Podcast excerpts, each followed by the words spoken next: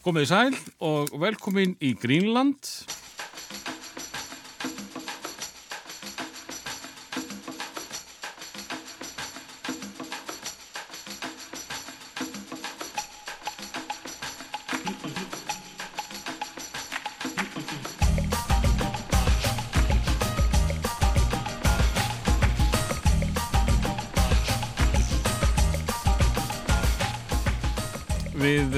Höldum áfram með Sigurjón Kjartansson. Þetta er þá uh, Green Jón Kjartansson. Þetta ekki Jón? Alveg frábært. Því við vorum ekki komnir að gríninu. Þú varst bara orðið, þú varst eitthvað rockstjarnar þegar við kvöldum síðast. Já, einmitt. Já, já, ég var þarna rockstjarnar. Er ég, hvað var ég langt komin í rockstjarnin lífi? Þú varst bara svona fann að greina aðeins hvað uh, hamið var. Vi, við tókum þáttin upp sko fyrir tveimur og hálfu má, mánuði síðan. Vá, Þannig að það var nú margt gest síðan. já, Getur vá. bara verið með sér þátt um það. Ég bara, já, einmitt. Það sem gerðist á þessum tveimur og hálfum mánu. einmitt. En, en uh, við vorum að fara að færa okkur bara yfir í næsta atriði sem, að, sem að vantarlega er þá uh, sameining ykkar Jóns. Já, akkurat, já. Og það náttúrulega er einhver tenging hérna með ham og sigumólum og einhverju. Þar kemur Jón hvað inn í þitt lífið þetta? Já, nei, nei, hann var nú alveg komin inn í mitt líf, sko. og hérna, það er kannski svona, það er alveg áður en við stofnum ham. Já, já. og þá var hann daldi að hanga með sko okkur strákunum í ham og með að segja og, og sem sagt eh, að því að hann var svona sá okkar sem var eitthvað í, í svona, bó, svona bókmyndalega þengjandi. Hann var búin að vinna þarna ljóðasamkeppni í þjóðviljanum. Og hérna hann var bæði í fyrsta og öðru sæti manni Já. og hérna uh, og, og var svona búin að gefa út eina ljóða bók og svona kannski 87 sem að svo bók kemur út í áana Já. já, börn ævintýrana eftir Jón Gnarr Er það fyrsta Jón Gnarr? Var hann fann að kalla sig Jón Gnarr þarna? já, það er fyrsta sem ég sko ég kynntist honum áður en að honum datt í hug að kalla sig Jón Gnarr sko og ég, ég las þetta bara í þjóðunum Já. þess að hann var keiftur á mínu heimili það var bara eitthvað ljóðasankefni á einhver Jón Gnarr haha, fyndið og ég las ljóðin sko og vissi ekkert hver þessi Jón Gnarr var sko Já, já. og las ljóðin, já þetta var aðteglisvert þess að það var einhver svona það var eitthvað verið að tala um Bela Lugosi og eitthvað svona, ú, já, hryllingsmynda, skemmtilegt, já, þetta er nú aðteglisvert skáld. Svo fór ég á djamið með vinnum mínum og, og þá sagði þeir, heyrðu, Jónsi bara, hann vann hann að ljóða samkendana í þjóðverjanum. Ha? Er þetta Jónsi? Já, skilju, þá var þá var hann búin að ákveða að kalla sig Jón Gnarr sko. Það var ekkert að segja mér frá því það var bara, lasa bara í þjóðunum Uh, hversu miklir vinir voruð þið? já, við vorum átnir alveg svona ágætir jú, jú, ég minna, við vorum alveg farnir að fara saman á fyllir og svona, Já, já. Farnir þá var hann bara Jónsi sko. En voruð þið farnir að fýblast? Þetta bara von ha-ha-ha og eitthvað? Já, við vorum, byrjuðum bara strax að fýblast sko. Strax og við kynntumst sko. og, uh, og þannig náðum við ágætist tengslum sko. Mm. og hérna mm, já, já, og svo bara og við vorum að vinna á sama vinnustað Einmitt. sem var Kópavóksæli sko. Sem að þú komst honum þangað einhvern veginn, nei, nei, hann, hann var byrjaðar þar Já. þegar ég byrjaði að vinna þar og, og einmitt, ég, ég einmitt spurði hann ég er eitthvað sniðut að vera að vinna á Kópavóksæli skilur hann held það nú skilur En, en byrju, í sögunni þegar hann er sem sagt, í Svíþjóð, þá var hann alltaf að ringi þig. já, það er setna sko. Það er aðeins setna sko. Já. við erum að vinna þarna uh, alveg, hérna, einmitt sumari 87 þá erum við að vinna, en, en hann á annari deild samt sko já, já. Og þetta er nú margþvæld saga sko. Jú, jú, jú, hann var stundum að ringja og held að ég heiti Kristján og eitthvað sko en held það ekki, það var bara vissum Já, alveg vissum það. tók það ekki mála að það var einhver sigur Nei, nei. uh, en uh, hvenar farið þið þá að, að svona að, að uh, pæla meira í gríni fyrir utan sem sagt að- að fýblast fyrir framann vinnina Já, sko, fljótlega svona, já, alveg, jú, svona, þá, þá verður til þarna duettin Kleopatra. er það fyrsta ykkar? Já, það er okkar fyrsta sem að verður. Já, og, og einni bíómynd sem að við gerðum, já, bíó, stuttmynd, sko, sem að kallaðist Hýri morðingin. Mm. Það er mynd sem við gerum saman og, hérna, og er syngd á stuttmynda hátíð á Hótel Borg árið 1989. Já, Já, 8 mm filmu mynd sko. og það átt að reyna að stoppa það eitthvað og svona, þetta er nú ekki þetta er nú eitthvað skrítið. Eitthvað, já hún er hún var nú frekar svona blóðug sko, og, og hérna en þarna var húsfyllir af fólki Mm. og, og, og, og fólk svona hafði gaman af þó aðalega við sko en ég hafði spurnir af því að, að Guðbergur Bergson og aðrir mektar menn hefðu haft gaman af myndinni sko. já, en hún vann ekki neitt sko. ég, ég er ekki frá því að þetta hafi verið eitthvað svona keppni sko. já. En hérna, já já, þetta var svona það fyrsta ofinbelega og síðan voru við svona fljótlega upp úr því já þá voru við náttúrulega búinir að semja dálítið af Kleopatra lögum sko. En, en þá fórum við að koma aðeins fram stundum það var, það sem duettinn Kleopatra. já, og það var þessi, þessi herstöða anstæðingar eh, Nei, nei, nei, það er Plató sko. Það er platu Duettinn Kleopatra er er eh, sko já, það er bara það eru lög eins og Rattararí og uh, Krabbamein uh, og hérna Seintgróa Hjartasár og fleiri, fleiri lög sem að hafa bara ekkert komið hérna fyrir framan alþjóð. Já, þetta er 89 svona 88-9 sem við semjum þessu lög. Og hérna en við höfum verið duglegir stundum að flytja þessi lög sko við fluttum þau núna á Ísafirði þegar við komum fram á Ísafirði og munum flytja þau núna í Háskóla Bíó þegar við komum þar fram. Um, við höfum við komum stundum þegar Jón var borgastjóri ég man að við komum fram nokkrum sinnum sem duettin Kleopatra meðal annars í hérna á Æsland Airwaves þá í svona off-venue sko, uh, sem duettin Kleopatra Þannig að sko Kleopatra var þá meira svona hinga á þanga meðan að Plató var svona uh, Já, Plato var uh, hins vegar eitthvað sem við gerðum náttúrulega sérstaklega fyrir fósbræður Já, og fekk Plató ekkert að lifa út fyrir fóstræði. ekki manni til þess Nei. neitt sérstaklega sko. En þið, þið Kleopatri þarna og, og, og en eh, þið farið að skapa einhverja eftirvæntingu og eftirtektir það ekki sem eh, einhvers konar tví Já, það, en, en það er nú allt í róleitum sko. Jón, þetta, við vorum svona bara partygrínarar sko, á þessum tíma og síðan, síðan fer Jón út svona um 90 fyrir að vinna í Volvo S-mjónum og svona og ég held bara áfram að vera gæðin í ham sko. og hérna um, og uh, það er ekki fyrr en svona 93 þá er Jón komin heim frá Svíþjóð. Að við erum náttúrulega báðir sammálum það að það, það sé nú daldið dæmt til að gerast að við, við eigum eftir að, að, að svona einhvern veginn að láta okkur kveða í, í, í svona grínheimum sko uh, á einn eða annan hátt og, og hérna eða grín eða, eða bara svona í, í einhverju. Við, við sá, síndum þá sönnum við áttum auðvelt með að vinna saman og, og, og gera eitthvað sem var dálítið spes sko.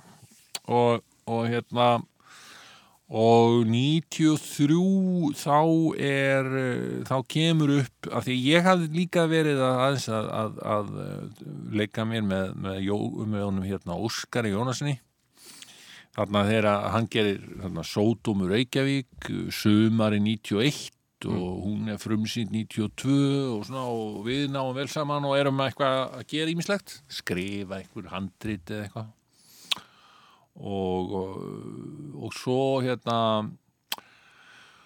og svo er hann að gera ykkur að sjónvarsmynd ég er svona leikataldið í ykkur sem, Jó, sem hann hérna Óskar Jónsson er að gera sko. Og hérna og, og Óskar Jónsson far nýtt verkefni í henduna sem er hérna gaman seria með radíusbræðrum sem að kallaðist Limbo og hérna þeir eru búin að vera í sambandi við mig þannig að strákanir hérna í radíusbræðrum og, og hérna þeir vilja gera eitthvað svona grín. Og það er kannski spurningum að fá þú veist, þeir og kannski Hjálmar Hjálmars og eitthvað svona, skilur þau, ég er bara að hugsa um sko, hvort það verður ekki gaman að gera eitthvað svona. Og er þú kannski hefur þú áhuga á því? spyr Óskar mig í saklýsi sín og ég, mér leist ekkert á það og þú veist, ég, ég sagðist reyndar hafa alveg áhuga á alls konar svona gríni en, en þessir hapfyrðingar þarna þeir verður nú sko ekki minn tilbúli og þá voru þeir orðnar stjórnur að það ekki sem útafskrinar Já, þeir voru svona, jú, þeir ekki kannski stjörnur en jú, þeir höfðu verið útastáttina Radius. Og voru svona að byrja og hérna og þetta ég hafði engan sérstakann smekk fyrir þeim og þetta voru óttalegi neðanbeltiskallar og, og þeir voru svona, þeir voru alveg fjórum árum eldri en ég sko mm. sem að bara fyrir mér var það kynnslóðabil sko. og hérna og og, og, en, og hvað er Óskar eitthvað að, að vesens með þessum görum sko. já já, nema hvað að ég læt samt til leiðast að, að koma með þarna í fyrsta þáttinn í limbo og, og þeir eitthvað fá mig til þess að koma hérna, á, ha, ha, ha, að þeir voru ekki með neitt bíf út í mig. Nei, það var bara þú. Það var bara ég sem var með attitút og hérna og svo var ég líka sko í ham.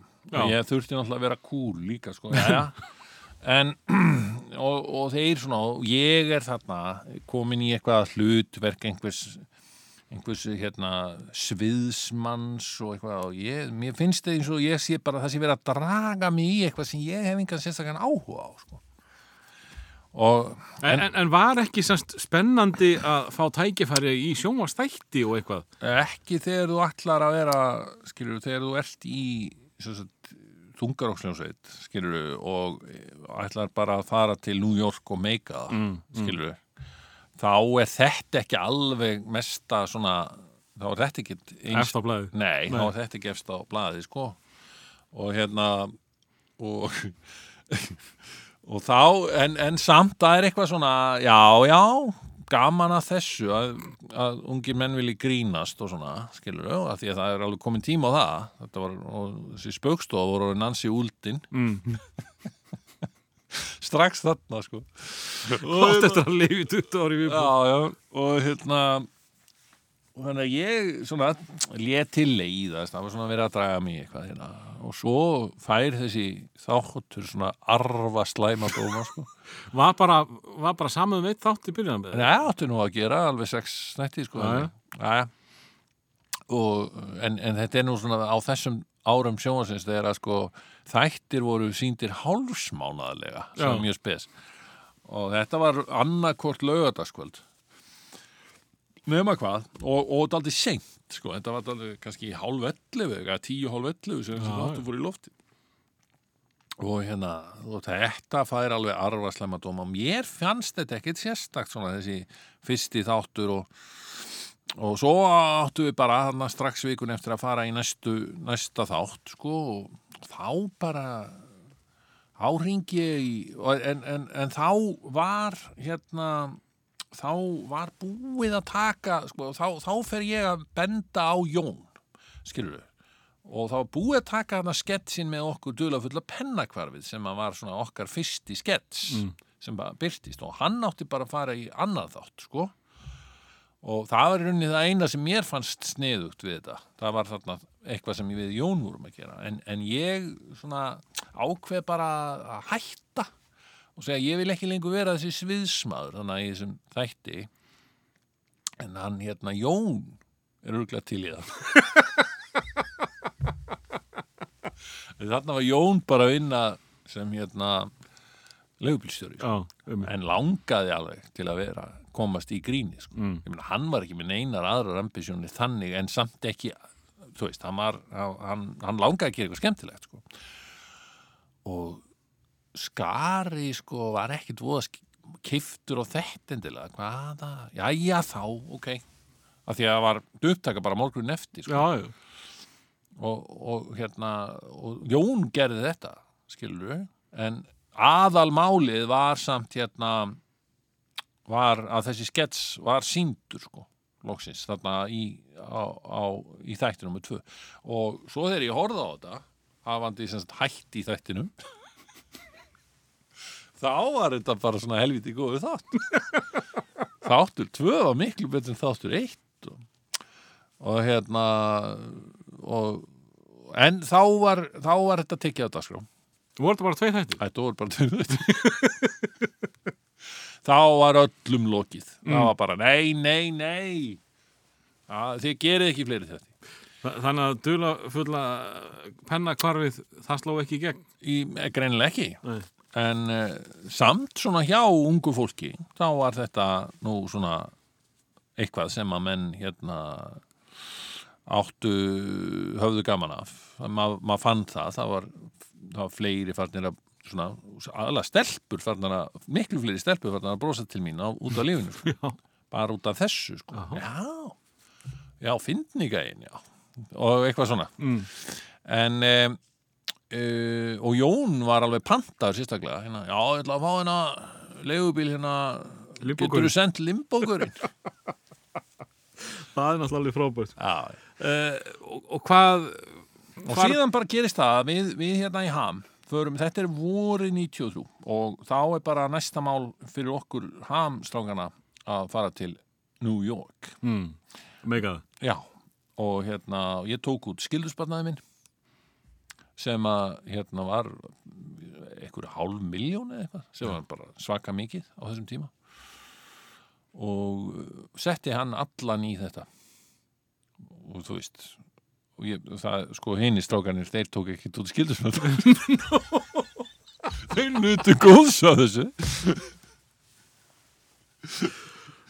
Og, og, og, og ég finna já, já, en það var það, þetta sem ég vildi gera. Mm. og hérna og, uh, og svo náttúrulega fengum við, jú, jú, auðvitað komu lögðum en eitthvað í púkið og við spiluðum daldið, skilur við Þannig að hann fórum við, femminningar, þá, þá þetta er svo að ég, Óttar, Blöndal og Addi og Jóhann Jóhannsson. Já, e, heitinn. E, og við syns ég þá voru þið konið með orgeli stert inn í ykkar. Já, það var hann að dett inn með það og svo var hann líka helviti góðu gítalegari sko. Já, Já, og við vorum ekki með flosa, hann var hættur sko. mm. og hérna uh, þannig að við erum þessir þarna og, og spilum þarna sum, sumarið 93 á mörgum tónleikum í New York í, á svona klubbum eins og, og CBGB's já, þú hefur spilað það Já, tvisvar maður. Og sjálfur Hilli Kristall hann borgaði sko, borgaði mér. Og okkur. Fyrir, fyrir spila þú veist, hann sagði ekki neitt þetta er sko Hilli Kristall sem var segðan leikinn af Alan Rickman í kvikmyndinni CBGB já, uh, hann, hann var svona frekar fúll á manni þessi guður sko. já, en þetta er maðurinn sem uppgötaði Ramóns Já, og já. Blondie og allt þetta lið sko. Hann Og- hefur borgaði penni fyrir spilað með sko. Já, já, ég sagði bara ég, að því að mér var sagt sko, við ættum að fá borga fyrir þetta og, og, og auðvitað var ég sendur út af örkinni vegna þess að ég var einhvern svona eini sem þorði að tala við mennina og, og hérna þannig að ég fer til hans hann sýtur hérna í skrippbóri sitt með hundinum sínum. Uh, uh, uh, Don't we have to get paid for this gig? Eitthvað. Og hérna og hann svara mér ekki. Fer í skúffuna, næri nokkra, nokkra nokkur hundru dollara. Nú, já, gott, það var ekki 200 dollara og rétti mér. Horfir ekki á Eh, Segðu mér aðeins frá þau svarið ferði hérna, uh, þetta var ekkit þetta var ekkit hrein og klár fræðaför A, nei, uh, og, og, og það var uh, það var þröngt í búi á köflum með það ekki jú, jú, jú, það er þröngt í búi. Ég meina við vorum sko fyrst svona digubarkalegir og skömmtuðum okkur 20 dólar á dag hverjum sko, þú veist sem í dagpenninga. mm. Síðan fór það nú að detta nýri 10 mjög fljótt sko og 5 og svona. Mm.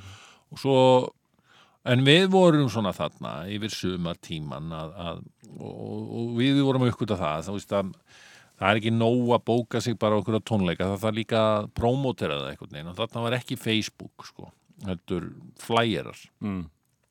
og jú, það var þarna uh, fyrirbæri sem heit Kinkos sem var, var hérna svona uh, sem var svona sagt, uh, ljósutuna stofa svona og, og þar gastu komið og ljósutað fyrir einhver, einhver penning Mm. það er ódýrt þannig að við vorum alltaf í þessu að búa til eitthvað design sko upp úr einhverjum plötuumslögum og svona og, og búa til flægjera sem við hengdum síðan upp á ljósastöra Já. Í, í nágrinu við okkur í St. Mark sem var mjög hein, happening gata á þessum tíma sko.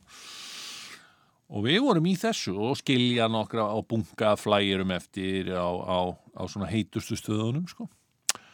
og jújú, jú, stundum kom einhver og stundum fáir Mm. þetta, ég held að fyrsta gigi hafa bara verið fimm sem mættu sko og það er að tvær þeirra voru frængur Björns Blöndal Æja, nema hvað að hérna og síðan bara já, það, þetta var ágætt sko, heilmikil lífsreynsla að fara þarna og vera þarna. En svo, hvað, það er komið í ágúst þegar að sérst, krónan hrinur Já. alveg sko. Þannig að þú veist allir peningar sem við áttum von á að fá og svona skilur það var lítið úr þeim skilur þannig að við að, að, fá, komu fáir dollarar út úr þeim krónum. Mm. og hérna þannig að við erum bara orðin í skýt blankir þannig uh, þegar að hausta tekur. Og þá er ekkit um annað að ræða heldur en að bara kaupa sér flugmiða tilbaka sko, af því að við ætluðum ekkit að koma tilbaka strax sko. Já, það var, já, ok. En, en voruð þið, á að rýsa uh, það voru fimm á fyrstu tónlingum voruð þið konur upp í 10-20 Já, Já. já, en um, ne, ég veit, ég ávóða erfitt með að meta það Mm. hversu mikið við vorum að rýsa sko. þetta er, að- þetta er náttúrulega svona þetta er svona köld sveit Já, já, ef, ef, þú, ef þú hefur gaman að þessu einu sinni þá viltu fara aftur já, öruglega sko. En, nei, jú, jú, það kom alveg svona við við, eitthvað sama fólki aftur Já, Þetta var svona ekki alveg, náði kannski ekki alveg því flugi að við gætum svona metið það Mm. almennilega, hvort við værum að rýsa og hérna en við vorum metnaðafullir og, og allt það, en, en svo vorum við nú eiginlega orðnið hálf leiðir á þessu sko. Eða, ég fann það einhvern veginn, mér langaði bara að fara að gera eitthvað annað já. En, en hvað hérna, var Jón með? Nei, nei, nei, Jón kom ekki þarna. Nei, en, en hann hafði, við höfðum spilað í New York áður sko, Já, já, 89 einmitt. Og þá kom Jón með. En Páll Óskar hvar, Já, Páll Óskar var þarna. Hann var þarna 93 sko. Já Þa, Það er þá góða. byrjunin á því að við þurfum að ég og Jói gerum plötu með Páli Óskari. Hvernig, hvernig dætti ykkur það í hug? Já, við vorum bara blankir menn en og, og vissum það að við þurftum að fara heim og hérna og, og við vorum eitthvað búin að vera að spjalla þarna með Pál Óskar, hann var eitthvað búin að vera að koma þarna í heimsótt til okkar og hann bara var þarna allt sumar held ég. Já, það og, og ha, jú, jú, hann var duglegur að koma á tónleika og, og ég og Jói vorum stundum að fara með honum bara eitthvað að spjalla um, um diskómúsík. Mm. Og þið eru diskostrákar? Já, já, Já, það verður vist ekki annað sagt sko, ég hef alltaf haft mikið svona dálæti á, á, á diskómúsík sko. Þannig Eh, séð, ekki alltaf en alveg, jú, ég sett frá dálti, frá grunni mínum sko mm. í tónlistar hlustun sko þegar ég var ungur drengur. Og svo með, með ákveðnum hljöfum en, en þá hef ég alltaf, alltaf farið tilbaka sko. Eh, en þú ert þarna gítarleikari, varst eitthvað farin að fykta í, í tölvu dóti? Já, ég var svona í gegnum Jóhann, já. Já. Það var svona, hann, hann kendi mér á, á ímislegt. Og Nógu mikið til að þú treystir þér að að taka þetta verkefni að þér? Já, Jóhann var aðal maðurinn, sko, Já. þar, í öllu tölvudóti. Þannig að ég þurfti ekki annað en að, að svona, hmm, klóra mér í hökunni, sko, og vera í, í svona þessum upptökum og eitthvað slíkt, sko. Já. Í, þannig að það voru ég og Jóhann sem, sem pródúseruðu þessa plötu. Ekki bróðið þér líka? Bróðið minn var tökum, upptökum aður. Já.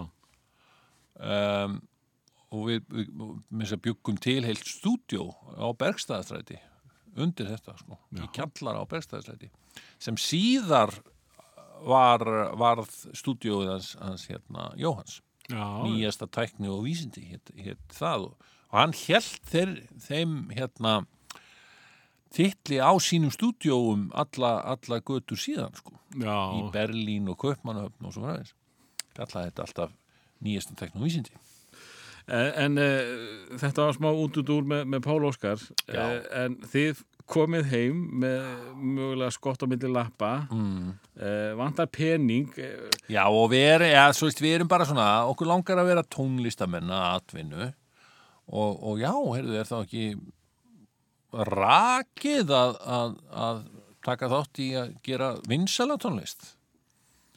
Skilur við? Því að hann var ekki vinsælt. Nei. Og já, einmitt, og við höfum gamla diskói, Mm. já, gerum það. Og, og það var svona okkar fyrsta pæling, fyrst við vor, þurftum nú að að anskotast heim, að fara að búa til vinsaldapop já, búið til vinsildabop og, og hérna, þetta var svona heiðalið tilraun til þess, en þó svo að, að platan hans Pála þarna, þetta er fyrsta platan hans hafi nú alveg, það voru alveg vinsa lög á henni, þá var hún ekki og seldist hún ekkit sérstaklega vel sko. Nei, hann var ekki stórstjarnar hann ekki þarna. Nei. en hann átti eftir að vera það og, og þessi lög hann átti eftir að endur eins og stanslöstuð og svona Já, já, það er eftir það er eftir Pál Óskar Jóhann Jóhansson og mig. Já, er það? já. Það er bara þannig. Ég að vísu vissi ekki að það væri á fyrstu plötinu sko. Hann Það var upp- aftur bara á seifið það ekki jú, jú, jú. Já, já, þetta er Sigurjóns smellur. Þetta er svo kallaður Sigurjónsmellur En uh, hvenar fóruð það að að svona veltaði fyrir okkur að geta verið peningur í, í gríninu? Eða, eða, Já, ég sko þarna, ég segi það. 1993, hausti 1993 er, er það er í rauninni grunnurinn á öllu því sem ég hef gert síðan. Jáhá, þarna kemur maður heim uh, með skottið á milli lappana og ástandið í þjóðfélaginu krónan er ný hrunin. Ástandið í þjóðfélaginu er hræðilegt.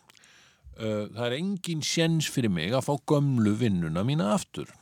Og góðbásæli Nei, það, það, ég var að vinna þarna á, á svona sambíli fyrir, fyrir geðfallaða mm.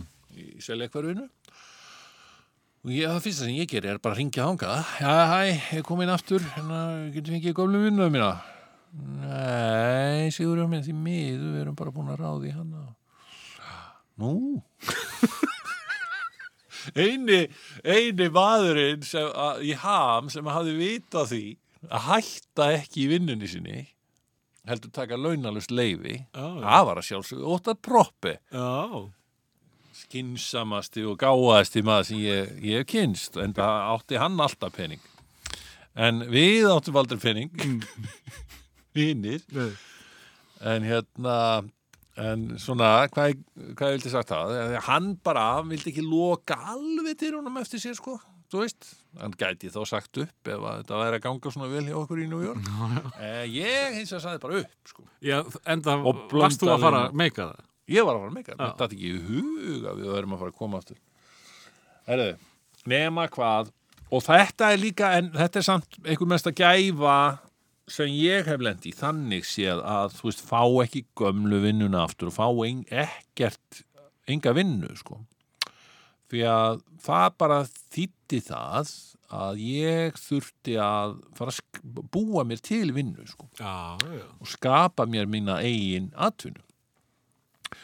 Og, og það er í rauninni það sem ég hef verið að gera allar götur síðan Hvað, hvað fer það að skapa? Hvað, það, ég, það fyrsta sem ég skapa er að fara í partí með Gunnar í smánaga eigilsinni sem síðan var fjölmila mógull og, og, og, og núna er hann einhver ólugur sósælisti hann hérna þetta er á þeim tíma þegar hann hérna var Vilhallur Bakkusi Mm. og, og, og hérna átti nú síðar bara skömmu síðar eftir að algjörlega snúa baki við honum uh, góðu heilli en, en hann þetta var svaka partí í grótaþórfinu, ég man eftir þessu Mm. hann voru meiri, já ég man að Balti var hann líka sko. Nó. þannig að þetta var bara hverju voru hvar, en ég bara datt inn í þetta óvart og þar er hann svona helvíti skrafreifur og, og, og glaður enda búin að fá sér nokkra hann, hann Gunnar Smári og hérna og segir við mig, heyrðu, ég er að stopna eina blað. Hérna uh, ég er að stopna blað. Þú hvað þú að skrifaðu, eitthvað. Ha, ég? já, þú getur skrifað hérna sjónvaskagrinni eða eitthvað. Sjónvaskagrinni, já, já, já, ok. En, og svo, en ég bara, þú veist, síðan fer ég bara og svo ringi ég bara á mánudeginum eftir sem ég vantaði vinnu, sko. Mm. Herðu, blessaður þú hérna. Og varst eitthvað að tala um ég ætti að fara að skrifa sjónvarsgegninni hann mundi ekki en, en hann réð mig. Og hérna Í þá rínina eða? já, í, sjó, í að vera sjónvarsgegninni það var þá, þetta var vikublað sem heit eintak. Já, já. Og ég var nú svolítið stór hérna áður. Já, já, og ég, ég, en samt hún var nú ekki mjög þekkt og Nei. þarna var ég aðal sjónvaskagrinandi eintaks skrifaði skrifaði sem sagt um allt sem kom upp í sjónvarpi Mm. og hérna Það var nú ekki leðilegt. Nei, það var mjög skemmtilegt og, en, en síðan með frá þessu þetta var nú ekki, þetta var nú bara svona hluta, hluta að vinna Mm. Uh, þá vorum við Magga Stína fórum eitthvað að kokka upp pælingar hún var líka á svipuðum stað og ég, hafði enga vinnu Var þá Jón ennþá úti? Jón var nýkomin heim og hann var í leigubílum sko Já, hann var safe. já, já, hann var safe Já. og hérna og þá hérna þá sem sagt uh, spyr hún mig hvort að við ættum ekki bara að vera með útasátt saman jú, hýrðu, góð hugmynd maður og þá hafði hún einhver tengsl hérna upp á rást 2 Mm. og við erum ráðin með, til þess að, að sjá um uh, útastáttin heimsendir sem að var á, á laugadugum held ég Það var ekki sunnundaskvöldum. Nei, laugardaginn. fyrst var hann kvöldtáttur síðan var hann laugadagstáttur Já. Og ég vildi endilega fá þarna vinn minn, Jón Gnar til þess að koma með svona contribution til þessa þáttar. Og hérna að því að það, það, það var bara alveg eðlilegt að, að því að hann vildi líka gera út að sátt með mér. En ég sagði, já ég er hann að byrja með vöggustinu en vilt þú ekki bara hérna vilt þú ekki bara koma með? Og, og, og það var bara mjög fínt. Það, þar byrjaði sérst Hotel Volkswagen. Mm. og hérna og svona einhverju sketsa sem við vorum að skrifa á svona og þetta fyndið en við erum þarna einn metur með þetta og síðan uh, hérna þróast þetta þegar að Magga Stína þarf að fara fara til Barcelona ákveður að flýta til Barcelona og þá ákveðum við Jóna að halda bara áfram tveir með þáttinn heimsendir Nú voru þið tvei með heimsenda? já, já. Já, já. og, og erum svona að þróa þetta meðfram því síðan það er, þannig er komið sko sumarið 95 nei, hausti 95 að, að þá er byrjaði þáttur sem heitir Dagsljós Mm. í, í sjónvarpinu og er á hverjum, þæ, eh, fer, hverjum degi Já. á undan fréttunum og hérna og hugsaði sko þarna er fréttir klukkan 20 Mm og allt sem er á undan fréttunum þá, það er vist sagt verið í dagsljósi sko. það er þemað sko. Mm. það er konseptið þannig að ég held að þessi þættir að byrja hálf átta og eitthvað líka í dagsljósi eða tíu myndir yfir sjö eða eitthvað svona herru, já, nema hvað að hérna og radjusbræður voru veturinn áður einmitt múnir að vera með sketsa í, í dagsljósi sko. Já, ok, já, Já, já. En, en svona áður nú heldur áfram, þið sem sagt uh, voru það vel liðnir hérna innan hús að uh, þið voru fengnir í starri hlutur? Já, já, ég meina það var ekki eins og var, það, þetta var ekki alveg jafn mikið innanhús og í dag, sko, innanhús og innanhús, því að þetta var í fyrsta lagi á, tve, í tveimur ólíkum byggingum, Já, já. sjónvarpið var á lögaveginum Já. Og útvarpið var hérna í efstaleitinu og þetta, þetta fólk talaðist helst ekki við.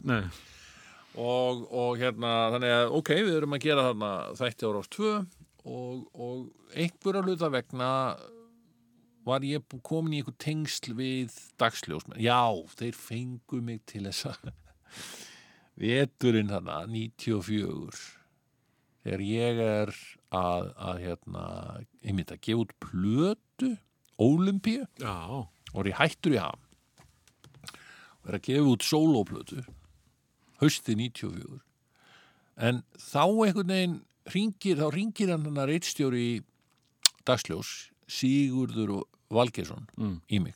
Og segir, hérna Ó, mér er nú sagt að þú sést ansi svona skelegur gaggrínandi við erum nú aðeins verið að lesa þennan sjónskagrínina og, væri ekki ráð að þú kæmir og, og hérna til okkar og væri með plötugaggríni í sjónvarpi. í sjónvarpi? Og ég sagði já, jú, jú ég er alveg til í það en, en sko, þú eru aðtöða að ég er sjálfur ekki út plötu núna fyrir jólin.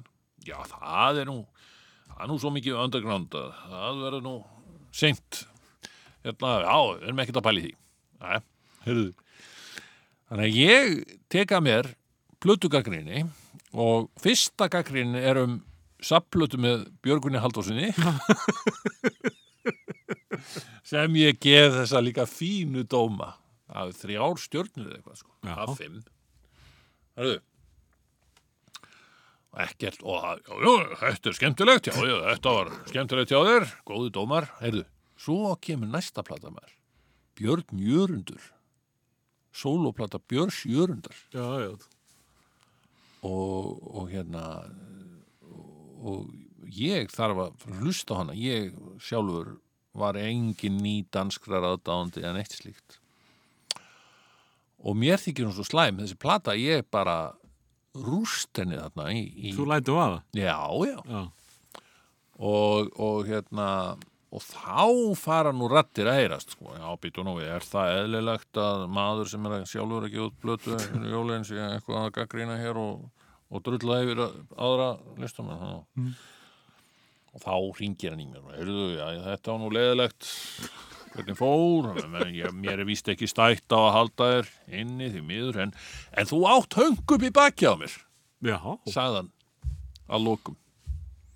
Og já, því, ég hef blæði að vera að hlusta á þáttin ykkur já, það er einmislegt grín hann hjá ykkur Jóni þarna.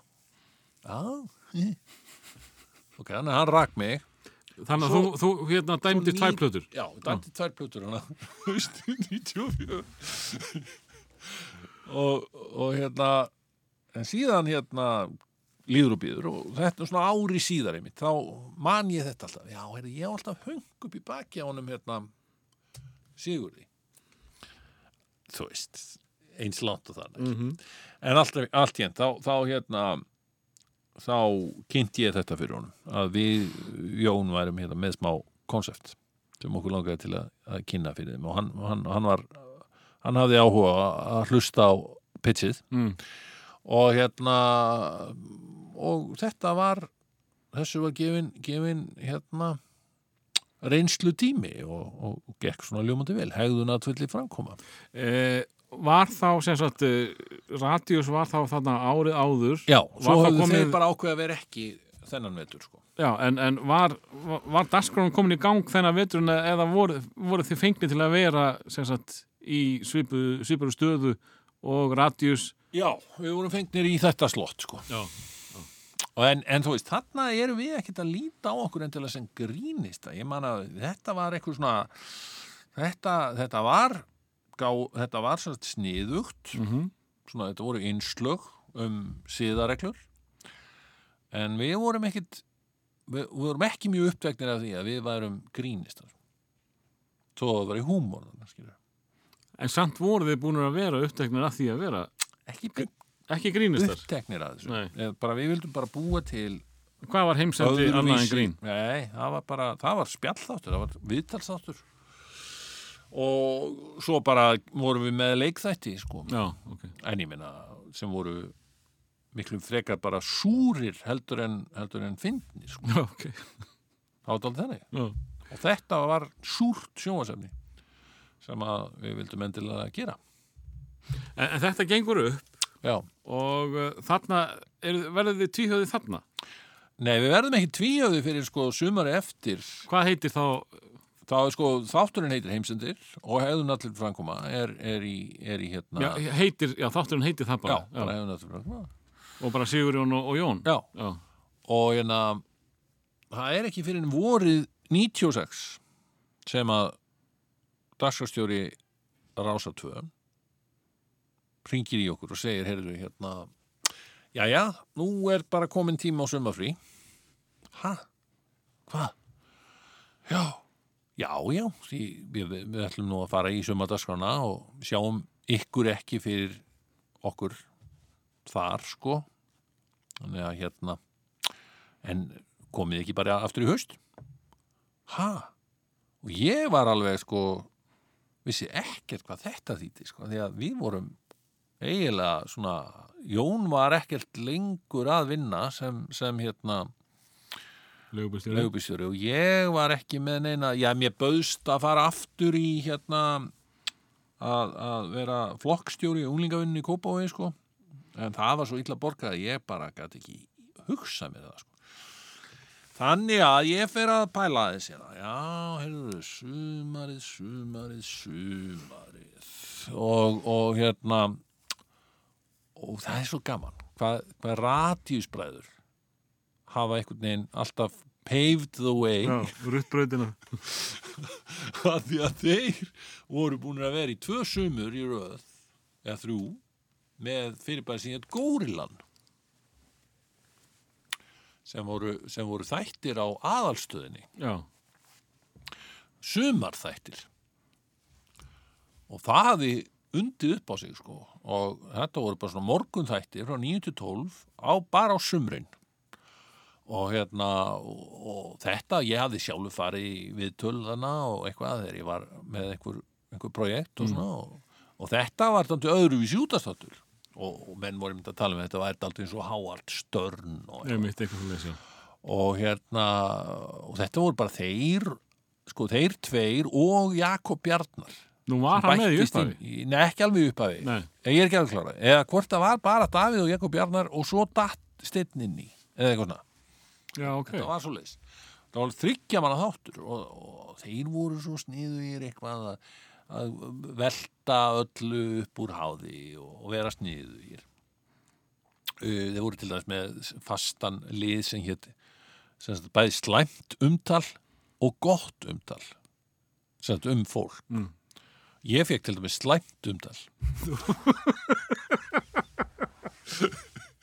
sem var, sem var mjög skemmtileg sko. þeir voru eitthvað, já Sigur já, hvað heldur hann að hann sé og eitthvað svona Já.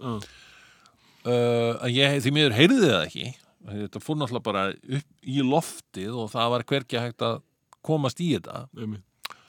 og, en, en öllu verra þótti víst að fá gott umtal Nú. því að það, þá var það svo gott að það var eins og sko, það snýrist upp í angverju sín Já, já, kaltæðinni og... Já, og svo svakalega þeim, sko.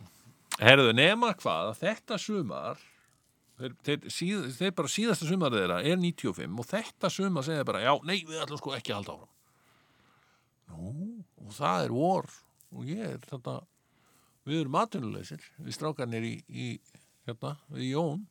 Þannig að ég ringi nú bara í hann hérna Þormóð Já, Jónsson. Já, og svona, heyriðu hvað séu, þið voru að missa hérna, sumaþáttin ykkar. Já. Já, já, ég, við vorum nú svo mikið með neinar sérstakar það, já. Já, við erum nú lausir sko. Ættu við ekki bara að gera það? Hverju, hverju mótni bara hyrðu, hyrðu, hyrðu og hann var svona askoti hrifin á þessari hugmynd. Já, hann kefti þetta bara strax. hann kifti þetta strax. Og hérna- voruð, voruð, sko, þurftu þið eitthvað pizza? eða- Eða Nei, sagði hann bara, ekki neitt. Hann, hann bara, við vorum mótnir frekar frægir. Já, og hérna vorum búin að vera þarna í sjónvarpinu og hverju viku og, og, og, og þannig að hann bara kveikti strax á þessari hugmynd og þetta var mjög skemmtilegt, við byrjuðum ekki fyrir í miðjan júni eða eitthvað líka. Ég var sjálfur, fór í eitthvað frí eitthvað þarna í, í mæ og bara, það var ekkert byrjað fyrir um miðjan júni og auglís svaka vel sko stræ, á stræt og alles maður. Nú, nú. já, já, Og þá sem nafni tíhöfðu. þá kom nafnið Já, tvíhöfði, það er Jón sem á þetta sko. Mm. Af því að þetta var líka svona það er þetta er minni úr Hotel Fullsöken það kom þarna einhver tvíhöfði. Þannig að þetta var bara mjög eðlilegt og gott að, að hérna að sem sagt að þáttur ég héti tvíhöfði. Og ég einmitt, ég man alveg eftir þessu sko, ég las bara tilvílun, ég var stattur í Hollandi í fríi og heyrðu, rekst ég ekki þannig á private parts upp hérna æfisu Howard Stern Já. og les hana, bara drekk hana í mig akkurat bara þarna eins og ég sé að lesa námsbók að því að hann var og, og það, ég, kannski kemur pínlítið það sem, sem þetta bara þetta að sko ringja bara beint Já. alltaf í beinni úsýningu það var daldið, Howard Stern gerði þetta daldið og hérna og við vorum bara mjög býræfnir þetta fyrsta sumar. Og við erum alltaf að ringja hinga og þangað. Ringdum til dæmis í, í hérna Ólaf Ragnar, hann var kosin þannig um þetta sumar. Ringdum beint heim til hans þarna um morgunin og konan hans svaraði. Guðrún. Katrín. Já. heitinn og hérna en þá var hann bara út að hlaupa sko og svona við fengum, við komumst alveg í samband við Ingeborg Solrún svara okkur eftir mann og það var bara fínt sko en já, já, þetta var satt direkt radio eitthvað. já, mjög direkt og þetta var satt fyrsta tvíhöðasumarið Og, og fóruð þið þá strax í úst þessar smásálir og þetta dót Já. já, já, og við vorum byrjað með smásálir hérna í, í í heimsenda? já, já, Já, ok. þannig að við vorum bara þetta var svaka æfintýri sko En, en sko var það ekki, tók það ekki mjög langan tíma fyrir fólk að átta sig á því að þetta væri alltaf sami maður sem að ringdi? yeah. Ég nefnilega sko, ég eh, misti miklu leiti af hérna eh, aðastöðar sumrinu. já, Fóruð ekki síðan eitthvað á rást 2 eftir það og síðan exit? uh, nei við, við sérst vorum á aðalstöðinni síðan fórum við bara á, á, á exit. Allavega, uh, þegar að sko þessar, það sem ég var að vinna í pizzunum og hróahetti að uh, það var svo gaman að horfa framan í fólkið sem að, að var að nexlast á þessu heimska fólki sem var alltaf hlusta á Já. það já, og ringin og hringin og það var alveg bara mánuðum skipti sko. Já, ég held að, þú veist, það er ekkit allir búnir að fatta þetta ennþá.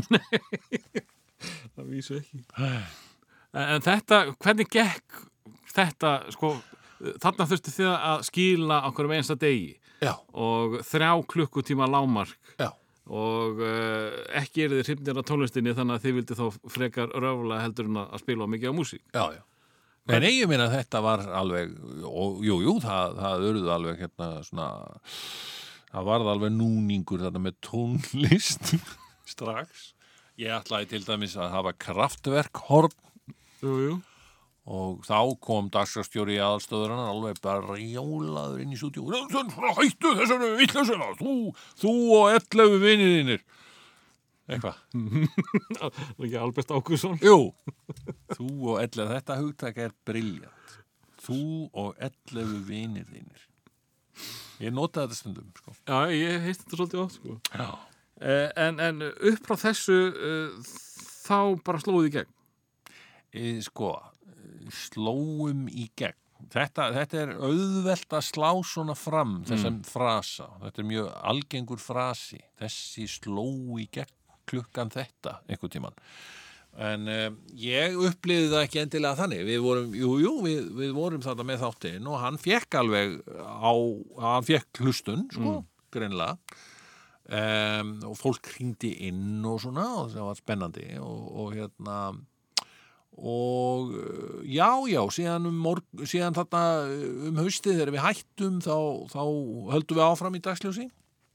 Og þá undir nafninu tvíhöfði. Já, og jú, jú, svo bara vindur þetta upp á sig og, og, og hérna og hægt og rólega breytumst við úr því að vera þarna í sjónvarpinu yfir í að fara yfir á stöð þrjú já. sem að það var sem sagt þannig að, að sko sjónvarpið vildi minka, minka okkur. Það er að segja að hafa Farið þið okkur beint bara úr, úr af rúfinu yfir á stöð þrjú? Já, sem þá tvíhöfði eða já, okkur var bóðið sko, það var þetta var eitthvað svona. Það kom ný reitstjóri hérna yfir dagsljós. Hún hérna Svanildur Konráðsdóttir. Mm. og hérna fín kona alveg. Og nema hvað, hún var með svona þú veist, hún er bara með þetta slott og það er ómögulegt að og þú veist, það er fullt af öðru fólki, ungu fólki sem vil grínast eitthvað og, og hérna, það er hérna stöllur Lolla og Dóra voru með svona grínsketsa og voru komið með svoleiðis pælingar. Leika kallmenn og hérna og, og svona ímislegt og, og, og hún vildi sko fækka okkar sketsum. Þannig að við erum bara hálsmánaðlega og það er hálsmánaðlega Þetta fannst okkur nú ekki sniðut en það er náttúrulega voru ég er þetta afkomi mál líka sko. Mhm. þannig að við ákvæðum bara að hætta. Segja bara, eru já, þá bara gerum við þetta ekki, það er bara no pláss þá fyrir Lollu og Dóru. Og leika ykkur að kalla. Og, og, uh, og fórum líka bara vissum það það var, það var alveg einhver áhugi annar staðar. Og hérna stöð 2 hafði lengi verið að berjast við að, að reyna að koma einhverju á laggirnar í einhverju sem kallaðist leiki efni og hafði ekki tekist síðan heilsubæli gerfa hverfi sko, 87 og þetta er alveg 10 árum síðar. Og hérna og og, og svo er komið ný stöð sem er búin að vera starfrækt síðan 95 sko, sem heitir stöð 3 og er, er sem sagt rekin af, af hérna mokkanum og einhverjum svona mönnum sem vilja sko hérna fara í samkettni við stöð 2 mm. og, og þarna var komið dáltið af fólki sem að hérna hafði mitt verið að vinna með okkur í dagsljósi og þar á meðal Styrmi Sigursson sem að hérna var vann fullt af vinslu með okkur í dagsljósi.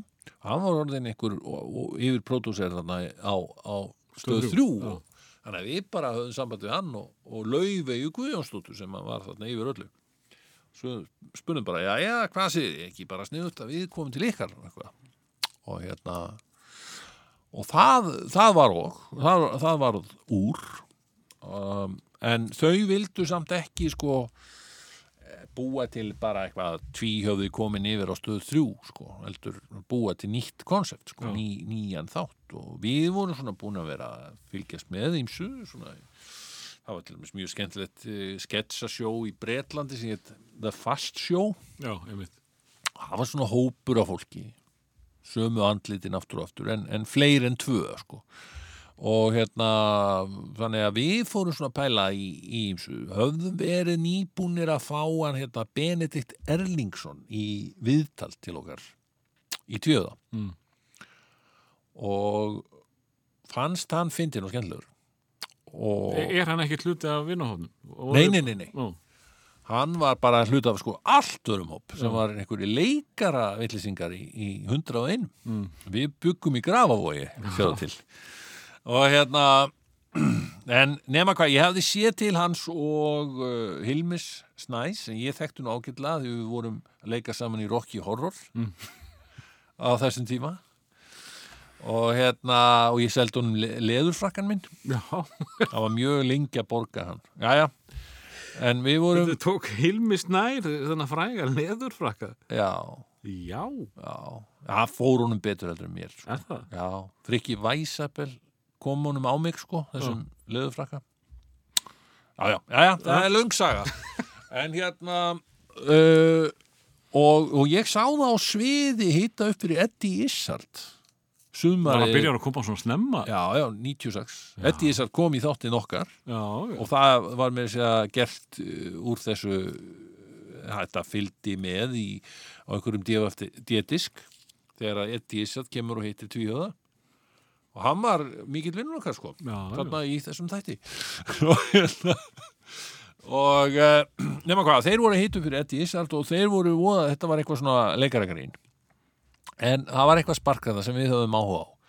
Og þannig ég, við ringjum í, í Benna og Benni kemur á fund og var ekki bara gaman að gera eitthvað. Og svo vorum við með hana Helgu Brögu þarna í bakvið eira við höfðum nefnilega verið að vinna með Helgu Brögu. Þetta, Jesus ég veit ekki hvað við höfum mikið eða að fara í þriðja þátt eða? Já, ef það enda þannig þá gerum við það bara. Sko það er nefnilega þetta er, þetta er dýrmæt reynsla í grínheimum það er að á þarna haustið 96 það er ekki bara það að við séum að koma aftur í dagsljós eftir uh, velhefnað rönn þarna á aðalstöðinni sem mm. tvíhjöði heldur er Guðni nokkur Halldórsdóttir dóttir Nobelskálsins fræga. Mm.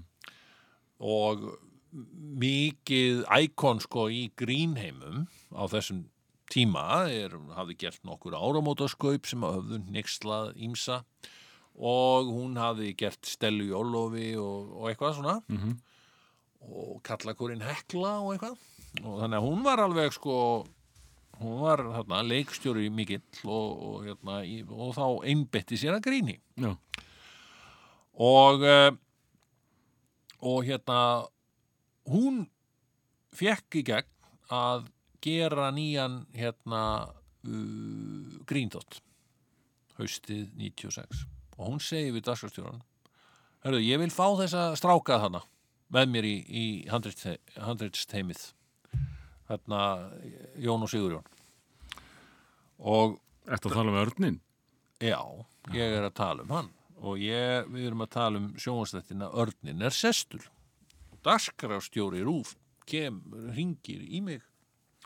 Og segir, erðu, hérna já, hún vil endilega hitt ykkur hérna, hún, hún Guðni Haldursóttir bara upp á nýjan, nýjan þátt sko. Já, við náttúrulega bara förum og hittum hana. Og úr verður sem sagt, þátturinn Örnin er sestur Hvar í tímaröðinni gerist þetta? Þetta er hausti 96 Já, og hvenar farið þið yfir á stöð þrjú? uh, Kláruðu þið bara þetta Janúar verkefni 97 Þannig að við erum svo með við erum sko gullkálfurinn sem baristur um Mm. hausti 96 þannig að við bæði í dagsljósi og í þáttunum örninisestur þá var mér að sérstakur fundur um þetta milli Svanhildar og Guðnýjar Mm. Um að, að hérna, hvernig við ættum nú að hafa þetta þannig að þetta sé nú ekki ómikið að klassa sko. Og hérna og að uh, uh, nema hvað, þetta eru satt, sex þættir sem eru pantaðir af, af Ríkisjónarfinu uh, og átti að auðvitað sína það á sagt annarkvort lögutaskvöld þannig að við förum í þetta að skrifa með dunu eins og hún er köllust og hérna en við finnum það strax að sko duna er af öðrum já, bara af annari kynslu en við. Já, hún syns ég hún er alveg tíu árum eldri eða eitthvað og, og hérna e, og er svona með Eddu Björgvins og þvílið öllu saman, vinkona Latta og svona, ég mani mitt eftir hún fór í 50 sammali Latta þau vorum að þau vorum að skrifa sko. Já, nei, hún fór í 50 sammali Latta í gerð sko, þetta er aldrei svona ríkuð. Og hérna og þá hugsaði mér, wow þess að við vorum að skrýði þannig ekki það, ég var, ég var 28 ára hann, Jón var 29 og hérna og þú veist og þetta fannst okkur old people mm. skilur og, og hérna og það var einhvern veginn þó svo að við deildum húmor með henni hún var mjög kaltæðin og mjög skemmtileg sko.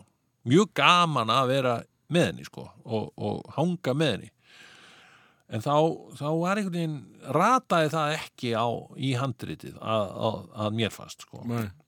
ekki almennilega sko. hún var alltaf með þennan kommunista húmor sinn einhvern veginn skilur og það þarf að það þarf aldrei að, að senda þessum og hinum tóninn og, og svo. Já, Já.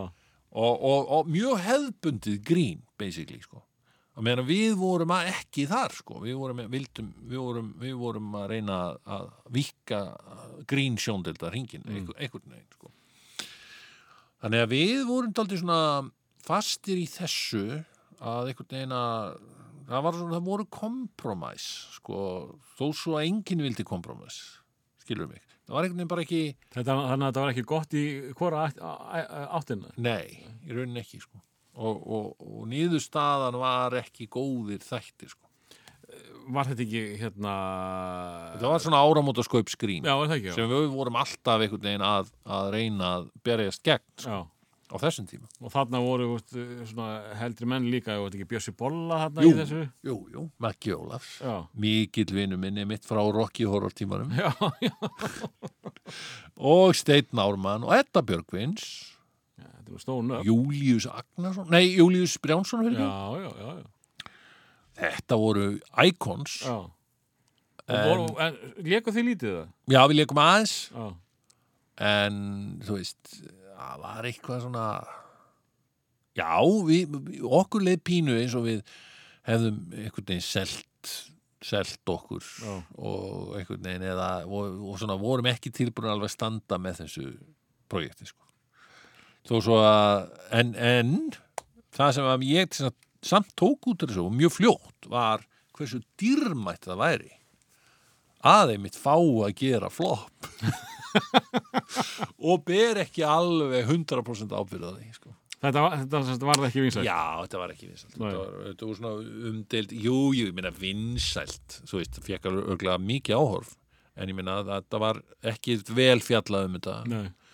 og, og þú veist, og þegar að var að vera þessu, þá var það þessu, þá var það á röngum fórsendum, skilur Mm. mig allavega við vorum ekkit stoltir af því hneysli, sko En þú, þú fóst í þe- þennan dítúr uh, vegna, Já, vegna þess að Helgu. þar, einmitt, Helga Braga kom fram í Örninnes Estur Já, og hún hafði aðeins establisera sig í gríninu, sko, hún var mjög ung þarna, en sko hún hafði verið með okkur í Limbo. Hún var með ykkur í limbo, já, já, en hún var, hafði alveg verið þannig áður, hún hafði leikið allavega tveimur áramótasköpum þegar þetta er, sko. Já, já. þannig að og ég, við höfum báði mjög gaman að leika með, að vinna með Helgu. Þarna í Örninni Sestur. Og ég mitt, hún er svona svo fyrsta sem ég tala við sko fyrir utan, þú veist, eftir, eftir að að búa varpa þessu fram sko að, að, að stöð þrjú vill og laufi og, og styrmir að þau vilja að við búum til hóp. Mm.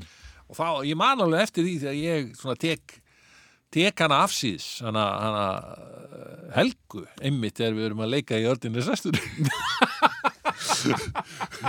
ég tek hana afsýðs og segi heyrðu maður, það er eitthvað að hérna, það er eitthvað að byggja okkur um að gera hérna stöð þrjú og eitthvað svona hópur og eitthvað svona. Og mér leiðt aldrei svona eins og ég væri aftur komin til Ísafjörðar að, að stopna nýja við, og hún að já hún, þú veist, var, var með svona já og hvað, var þetta á því og til þetta og Mm. já. Ég kannski geti bara að leiki alla konar já, það var snilt. Skilur við hún kemur einmitt inn hérna þegar hún, hún heimsótti mig líka. Já, og uh, hún var ekki mikið fyrir hérna að gera grín sem var yngri. Nei, en það var í einhverju verki þar sem hún þurfti að leika margar konur já, sem að kveiknaði á einhverju grínkettlingu í henni. Já einmitt. Og það, þegar þú segir þetta get ég ekki að leika alla konunar já, er já þú veist, það var allavega eitthvað svona sem að og, og hérna og svo er Benny og Benny leggur það til að fá ilmi sko. Mm. og þetta bara var frábært. Og við svona byrjuðum þarna, þetta er svona áramótin 96-97 ég, einmitt, við skrifum undir samningin á Þorláksmessum Já, og, og strax í janúar þá byrjum við að vinna þarna, fáum þarna útlutað skrifstofuhúsnaði í húsi Vestlunarinnar þar sem stöð þrjú var til húsa. Og hérna og, og fáum svona sitt hvora skrifstofuna. Og og semst, við vildum hafa það sko, alveg definitíð, það var ég og Jón sem fengjum eina skrifstofu og Benni og Hilmir fengur aðra skrifstofu var Helga, Helga var ekki með í skrifun Nei, og var bara einn sem, sem hérna leikona og og þá voru dagarnir þannig við hittumst á mótana og fórum í sittkora skrifstofuna. Og svo vorum við aldrei að metast um hver vor svo, svo bara sko fórum við saman í hátegismat og vorum að metast um hver, hvorir hefðu nú skrifað fyndnar í sketsa fyrir hátegi svo vorum við líka stundum að hlæja sko við, ha ha ha, hlæja rosa hátt þannig að hinn myndu heyra. Fyndin skets. Við erum snillingar. Ja, loka hörðinni. Og hérna þannig var svona dýnamækin í, í fósbræðurum fyrsta sísonið sko. Þetta hlýtur að hafa verið ansið skemmtileg og spennandi tími. Sérlega, Já, mjög spennandi tími.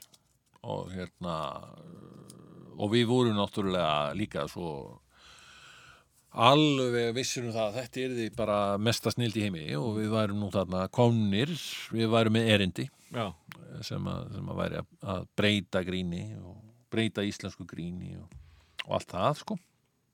Ég meina það hefur aldrei vafist fyrir okkur að vera vera þar sko. Nei, þú veist, að ætla sér alltaf, alltaf það mesta og besta sko. Mm, og hérna þannig að þú veist, það er svo oft sem að maður hefur fengið þessa spurningu sko, var þetta ekki bara slis að þið, þið slóðu svona í gegn. Átti þetta nokkuð að gerast? Uh, jú takk. Skilur það var aldrei það, það, það, það, er þessi krút krúttulega svona, svona þetta lítillæti alltaf Mm. sem að hefur verið. Átti ekki mikið við því. Höfum aldrei, ég hef aldrei þekkt það En þetta, sko, að- talandi um slís Já. en var þetta ekki eiginlega slís að þetta varði ekkert vinsælt strax. Var það ekki ákveðin skellur? Jú, það var skellur sko. þegar ég tala við aðra skellur fóstbræður. á skell ofan. Að þið tölduð ykkur vera með besta efni í heimi já, og svo þetta fyrir í gang þá svona já slís og slís sko. ég meina, þetta er náttúrulega stöð tvö eða sko, ok, það sem gerist náttúrulega hann í marsmánuði þetta er bara í mars já, sem að, að við byrjum í janúar og síðan bara erum við að taka upp og svona.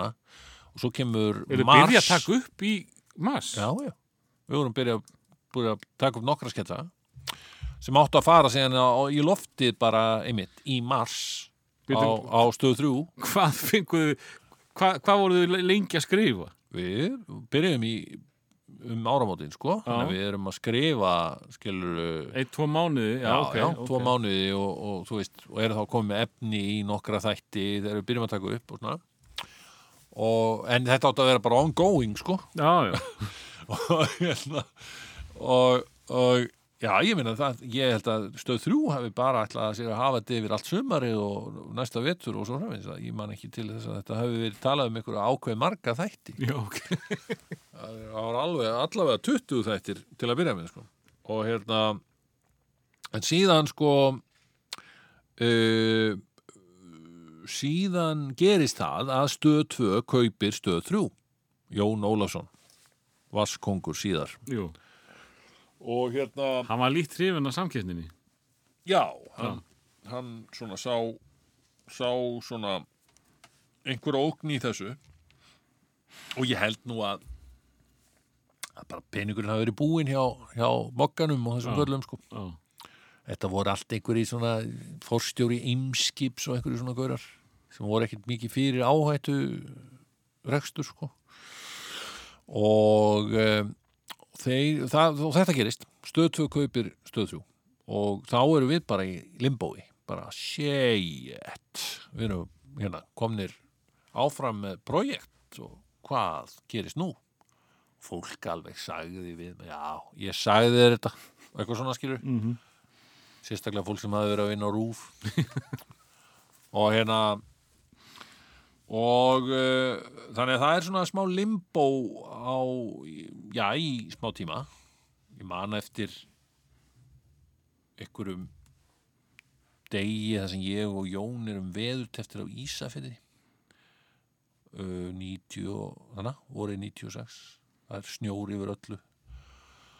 Og við erum að ringja alltaf svona vegna þess að í styrmi, vegna þess að styrmir er að, er að pizza sjóinu yfir á stöðu 2 Já, og, og svona, já, hvernig gekk þetta?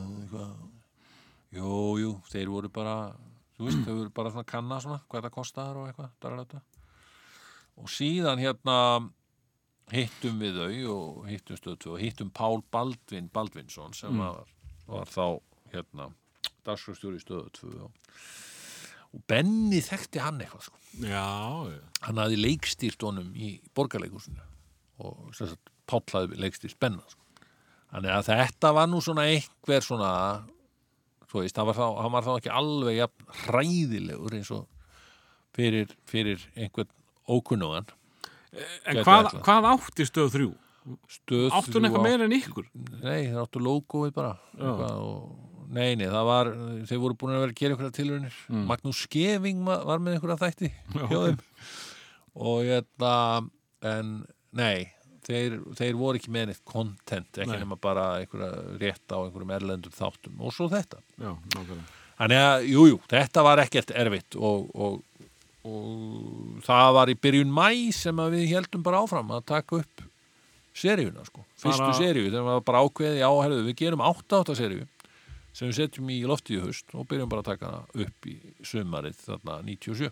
Að því þú minnist á Pál Baldvin, Já. ég á löglétta sögu á honum. Já, uh, þegar ég og Pétur vorum með dingdongið að, hérna, upp á höfða. Já, og fórum oft í reikkompuna og fengum okkur smók. Já, og það var Pál Baldvin hans og oft og uh, kemur hann inn með gösla gangi og hérna Pétur Jóhann, helviti fyndin djöfulega eitthvað svoleiðis.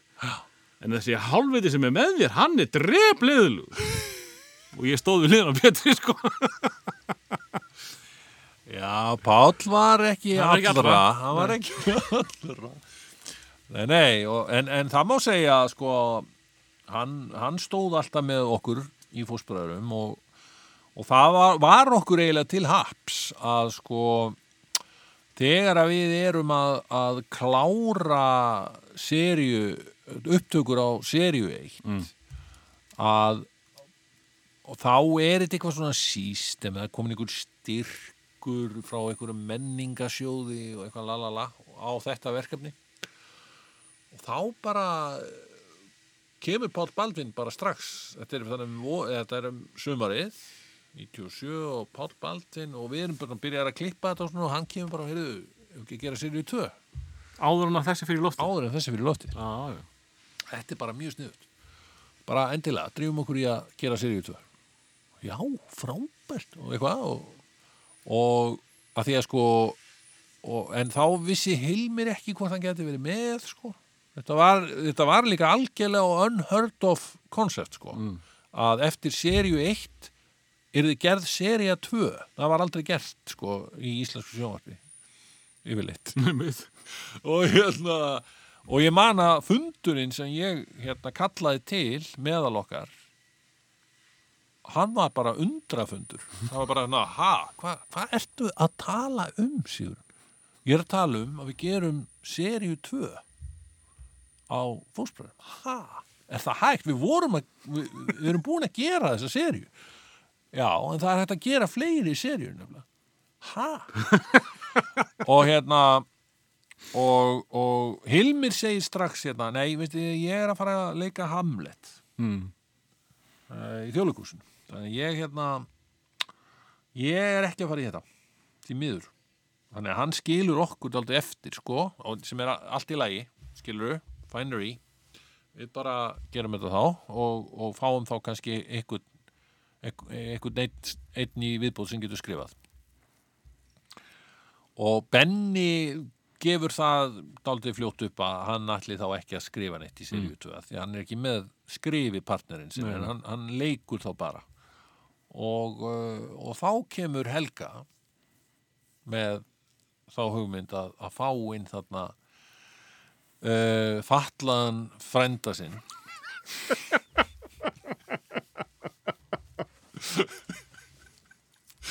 Nei, sem sagt, vin sinn sem hún þekkti síðan í leiklistaskóla sem heitir Þorsteinn Guðmundsson. Ég hef bara aldrei heyrt um á mannin minnst áður og hvað ert að tala um? Já, hann var í leiklistaskólanum.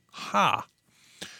Og hérna, og hún kemur heim, ég man eftir þessu, þegar hún kemur heim til mín að kvöldi og sýnir mér og konu minni hérna vídeo með steina sem var svona einhvers konar ársatíða myndband í, á, í, á auglýsingastofunni sem hann var að vinna Já, og segi bara, heyrðu, já, hérna ég ætlaði bara aðeins að sýna ykkur þetta. Þetta er bara, þetta er svo mikið hann, eitthvað. Og það er bara hann eitthvað að vera fáiði já. og, og vera Þorsteinn Guðmundsson bara. Og hérna. Og ég og konan mín horfum á hvort annað og bara kingum kolli sko. Mm. Þið sjáuð potensialinu. já, við sjáum potensin í þessu sko. og, og, og einmitt og, og Þorsteinn hefur hérna allar gutur síðan þakka konu minni sérstaklega fyrir, fyrir ferilinn sinn en hérna e, og, og ég kalla hann inn og við kallum hann inn sagt, á fund með okkur á Hótel Borg Mm. Það sem að hann kemur í einhverjum svona háskóla og einhverju háskóla úlpu og svona lúðalegur. Með miða. Þetta er eitthvað dullulegast að segja sér það er með mið og ég svona er eitthvað að spila með stóran kall og Mm. já, ok, komdu með, hvað ertu með? Og hérna hann við svona miða með fullt af hugmyndum. Og hérna svona já, svona hommaklefi í sundlug eitthvað ho, ho, ho. já og eitthvað svona hitt og þetta Já. og hérna og og og ég, við getum ekki annað en bara heillast af þessum manni Mm. sem að hérna reyndist okkur síðan alveg frábær hérna í alla, alla staði sko hann, hann, hans, og, og hann og Helga urðu svona skrifteimið sko. Mhm. og þetta var bara þetta var marriage made in heaven og maður segir Eh, en með þetta í hug sko að því þú talar um að Páll Baldvin hafi komið að máli við ykkur áður en að fyrsta seria var sínd Já, um að gera seríu 2 Já og það, það, það, hann vildi bara gera hana strax. Og það er, þú veist, bara á en þess heldur að hún hefði orðið til hefði hann ekki samið um seríu 2 áður en að seríu 1 var sínd uh, ég er ekki viss um það. Að við, við, að, við, að, að það, við, við fengum frekar sko, eh, þarna haustið, þetta er svona oktober 97 sem að fyrsta serían fyrir loftið.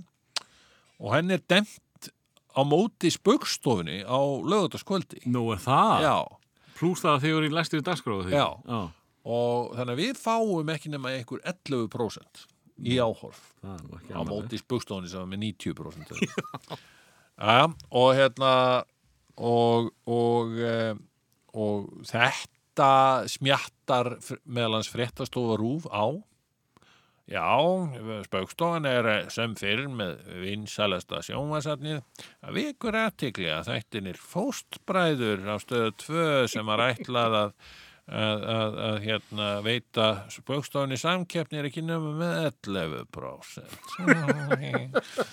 og Jókusson Já, ég hef aldrei fyrirgefið boga ákvæmsinni fyrir, fyrir þetta. Já, já, En, en þetta, en þetta, þetta keiri sér samt upp í seríu 2 það ekki, þar, Jú, þar það- verðið þið stjórnum akkurat. Og við erum að taka upp seríu 2 á meðan að hinn er í loftinu. Skilju, hinn er að fara í loftið, þannig að við erum að byrja þér þarna. Og, og hún fer í loftið bara skömmu eftir áramótin. Mm. Eða svona í mars. Og prómoteru til anskotans og hún slæri í gegn. Já, skilur, þannig séð. Þú veist, nógu mikið til að þú veist maður var að fara, þú veist, fram hjá barnaskóla þá komu krakka, eða, þetta er fósblöð er að mámaður horfa á fósbræður það var gulur tvistur og ég svona eitthvað. Nei. Ú, ok.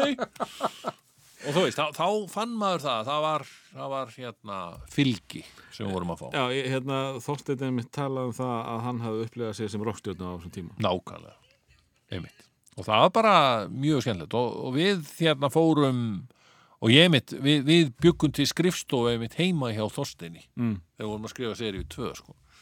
Hann var bjó einn í fínni íbúð sem við gáttum einmitt hérna tvistrað í tvö herbyggi Mm. hann og Helga voru inn í stofu og ég og Jón inn í einhverju herbyggi mjög fínt Eh, en, sko, var það ekkit eh, vandamála að halda úti, sko, þarna voru þið komnir í eh, heilsás ekki?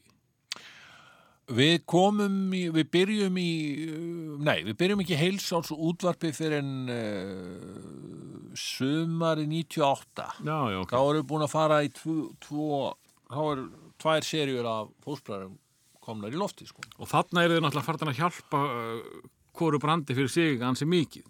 Tvíhöði, fósbráður, fósbráður, tvíhöði. Þannig Já, já, öruglega, sko. Á þess að við höfum eitthvað að hugsa það, Nei. þá var þetta þá, þá uh, vorum við, já. Þetta, þetta var, sko, við vorum alltaf hugsað um þetta alltaf sem sumar útvarp sko, og, og hérna en svo komu Amerikanar og keftu exið og, og þær útastöðar og þeir skildu ekkert í þessu koncepti. Hvað, er ekki vinsæll hláttur akkur á hann að hætta þó að sé komið vetur? Þannig að þeir gerðu samningu okkur um að halda áfram og, og það gerðu við og, og, en, en við settum það samt inn í samningina við fengjum að að taka sex vikna breyk eða eitthvað slúðist til þess að, til þess að taka upp já, seríuna sko. uh, að því úr komin aðeins í hérna uh, þessa amerísku uh, útarskaupmenn hann.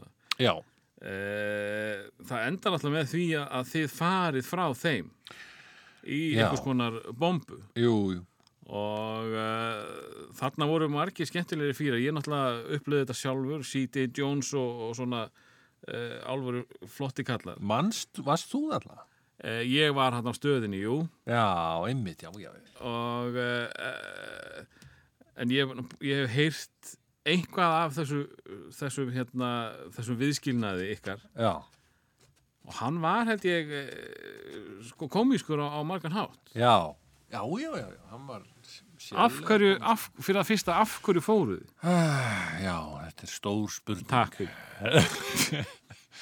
Við, um, það var nú Páll Baldvin sem, sem vélað okkur þarna yfir sko. þarna voruð þið náttúrulega að vinna fyrir stöð 2 með fórsbráður og hitt var fýtt miðl FM og X og þetta Já. Já. og Íslenska útvarsfélagið var ekki með neinar anmjölar útvarstöðar á sínum snærum, ekki nema þess að bylgjuna og okkur fannst ekkert pleppalegra þið vildu ekki fara þangað Nei, Nei. uh, en en hérna þráttur að þeir hefur nú reynt nokkru sinnum sko. en samt held ég að þeir hafa nú ekkert verið neitt allt of hoppandi spennti fyrir því heldur mm. en þá kemur upp þessi hugmynd sko að, að já því tilheyri nú hérna upp á Linkhálsin nú frekar heldur en þarna nýr í bæ eitthvað. Hmm, og nú er þið með þessa vinsælu stuð og svona eitthvað. Hvað segið um að lonsa nýrri stöð bara með okkur og búa til eitthvað, eitthvað dattara Er við vorum eitthvað smá hrifnir af því og, og svo framvegð, sko. Ég meina það spilaði þarna ímislegt inn í þetta. Og, og, en voruð þið eitthvað ósátti við kanan Nei, Nei. voru það nú ekkert. En e, sagan átti nú síðan eftir að, að, að sanna það að, að við, við gerðum rétt, sko. mm. Því að hefðu við ekki farið þá hefði Íslenska útvarsfélagi keift fínan miði lenga síður bara þarna um sumarið.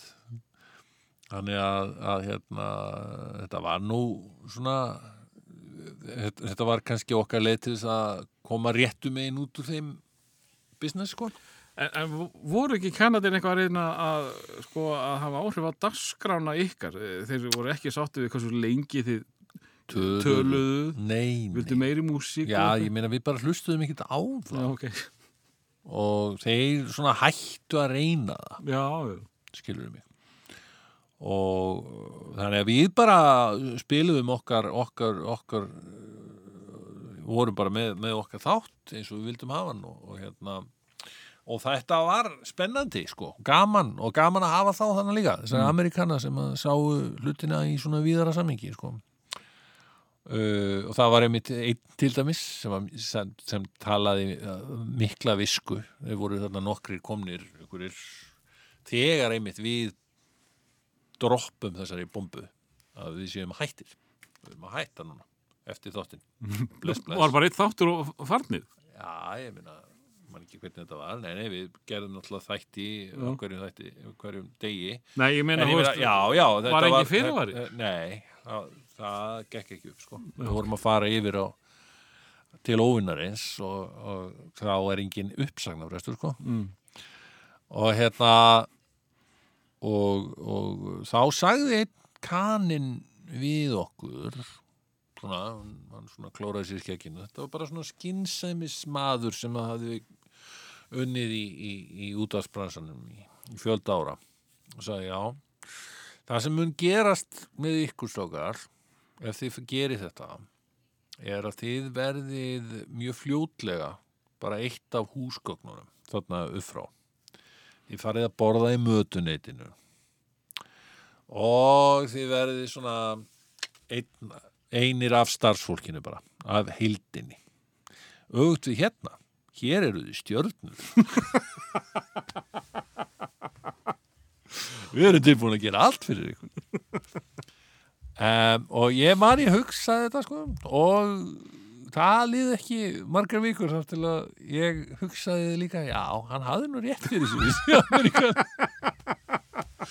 Þeir voru alveg hættir að sperra sig þegar við maður mætti í mötunitið Já, já, já, já. við erum bara hluti af húsgagnar En ef við hlaupum bara áfram uh, yfir uh, sko nokkra serjur af uh, þessu og hinnu uh, hvenar ferðu, sko svo náttúrulega ertu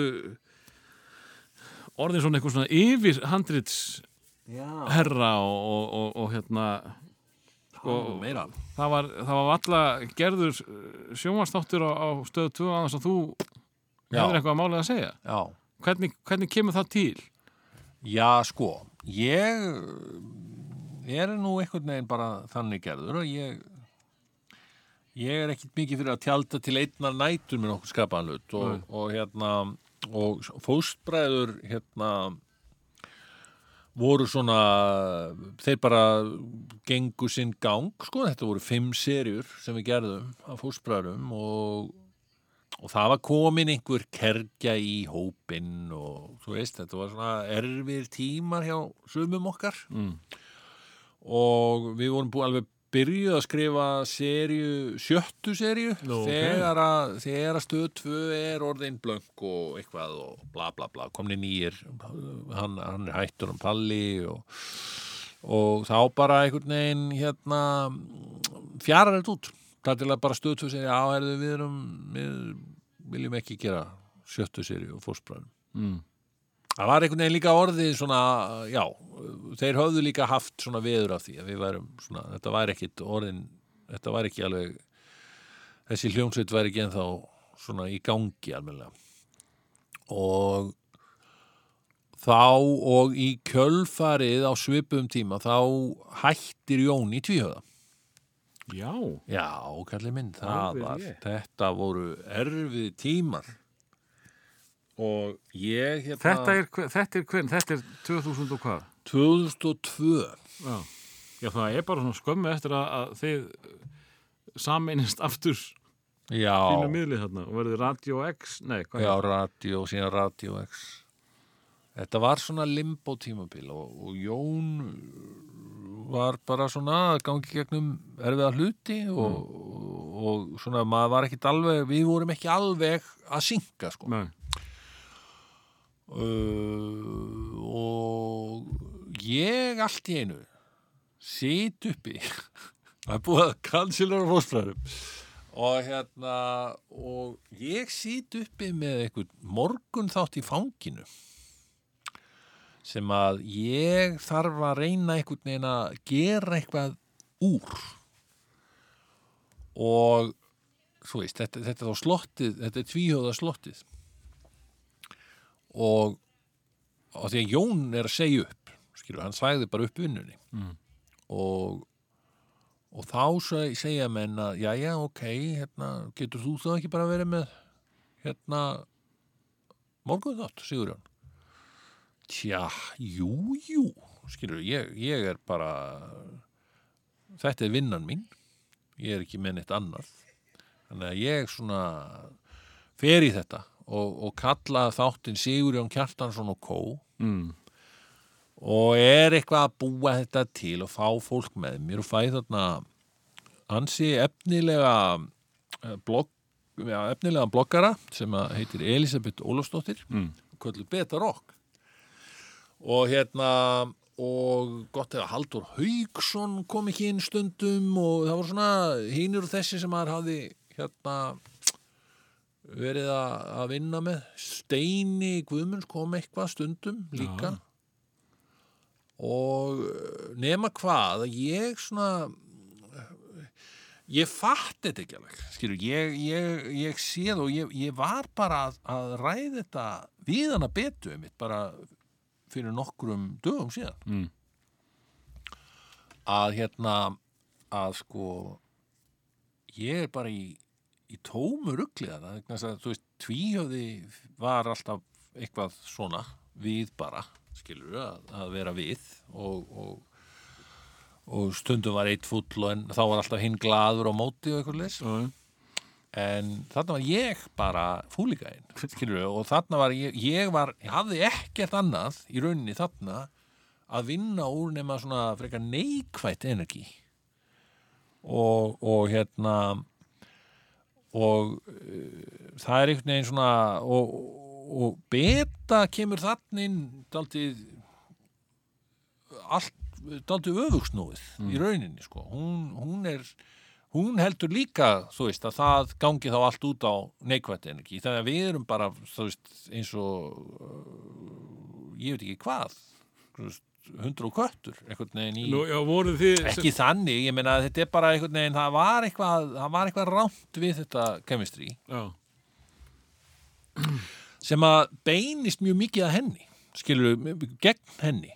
Og mér finnst, mér finnst þetta mjög leiðilegt því að sko þetta er mjög talent, hún er mjög talenteruð og hérna klár og, og það er einhvern veginn sko og hún var bara að opna sig um þetta fyrir, fyrir skömmu síðan að hún hafði orðið fyrir einhvers konar smánun við, við þetta, skilur þá fór að fara á vagnin einhver svona karakter eins og Erpur Eyvindason og, og svona gaurar sko og svona dútarnir hann á exinu já, sem fór að snúast gegn henni eins og hún væri eitthvað ívil skilur á eitthvað furðulegan átt og þetta var á exinu þetta er á exinu Þannig að hún er starfsmæður hann og, já, eða þú veist, þetta er bara einhvern veginn svona Já. það er eitthvað skotleifi á hana. Já, og ég ger ekkert til þess að, að, að stoppa það neitt skilur um, og, og ég bara, það er ekki langt síðan að við, ég bara fór í gegnum þetta með henni og baða hana bara fyrirkemningar mm,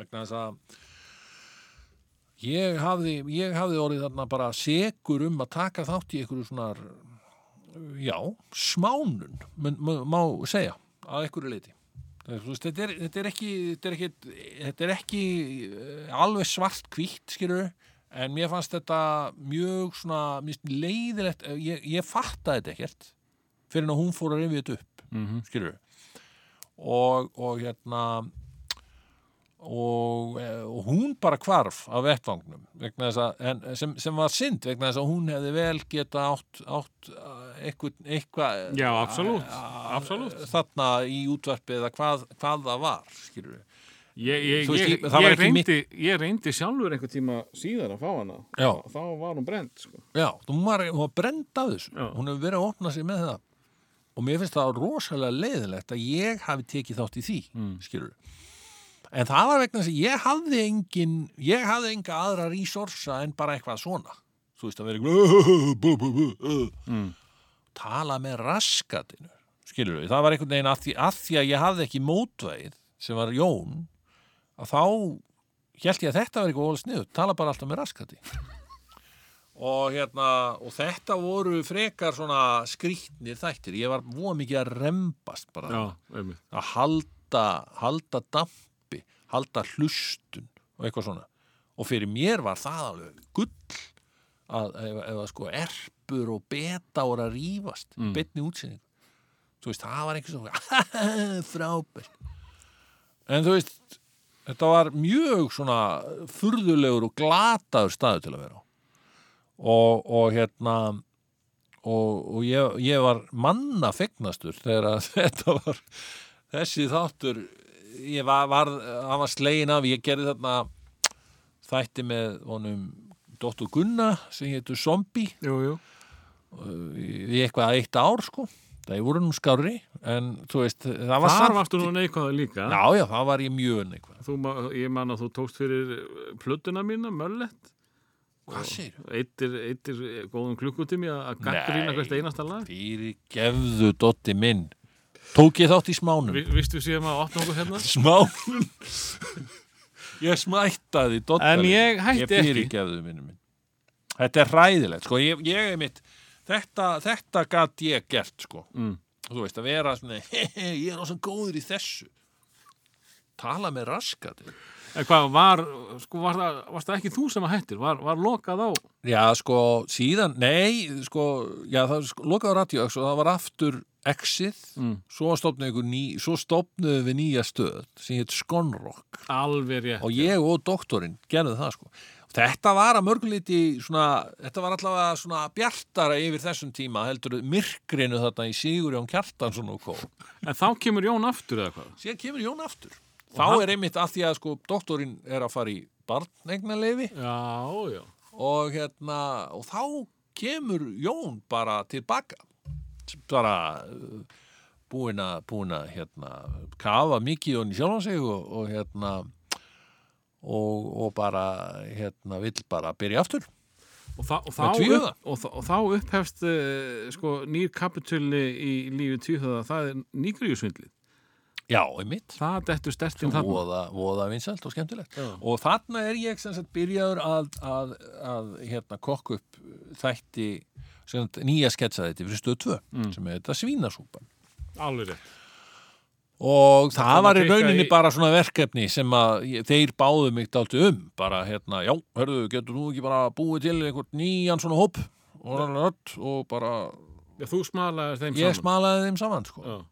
og það var mjög öðvöld þeir voru þarna á Pop TV, strákanir og bjö- reyndar ekki Pétur en hérna en mér fannst alveg líka beinast við að fá hann með Mm.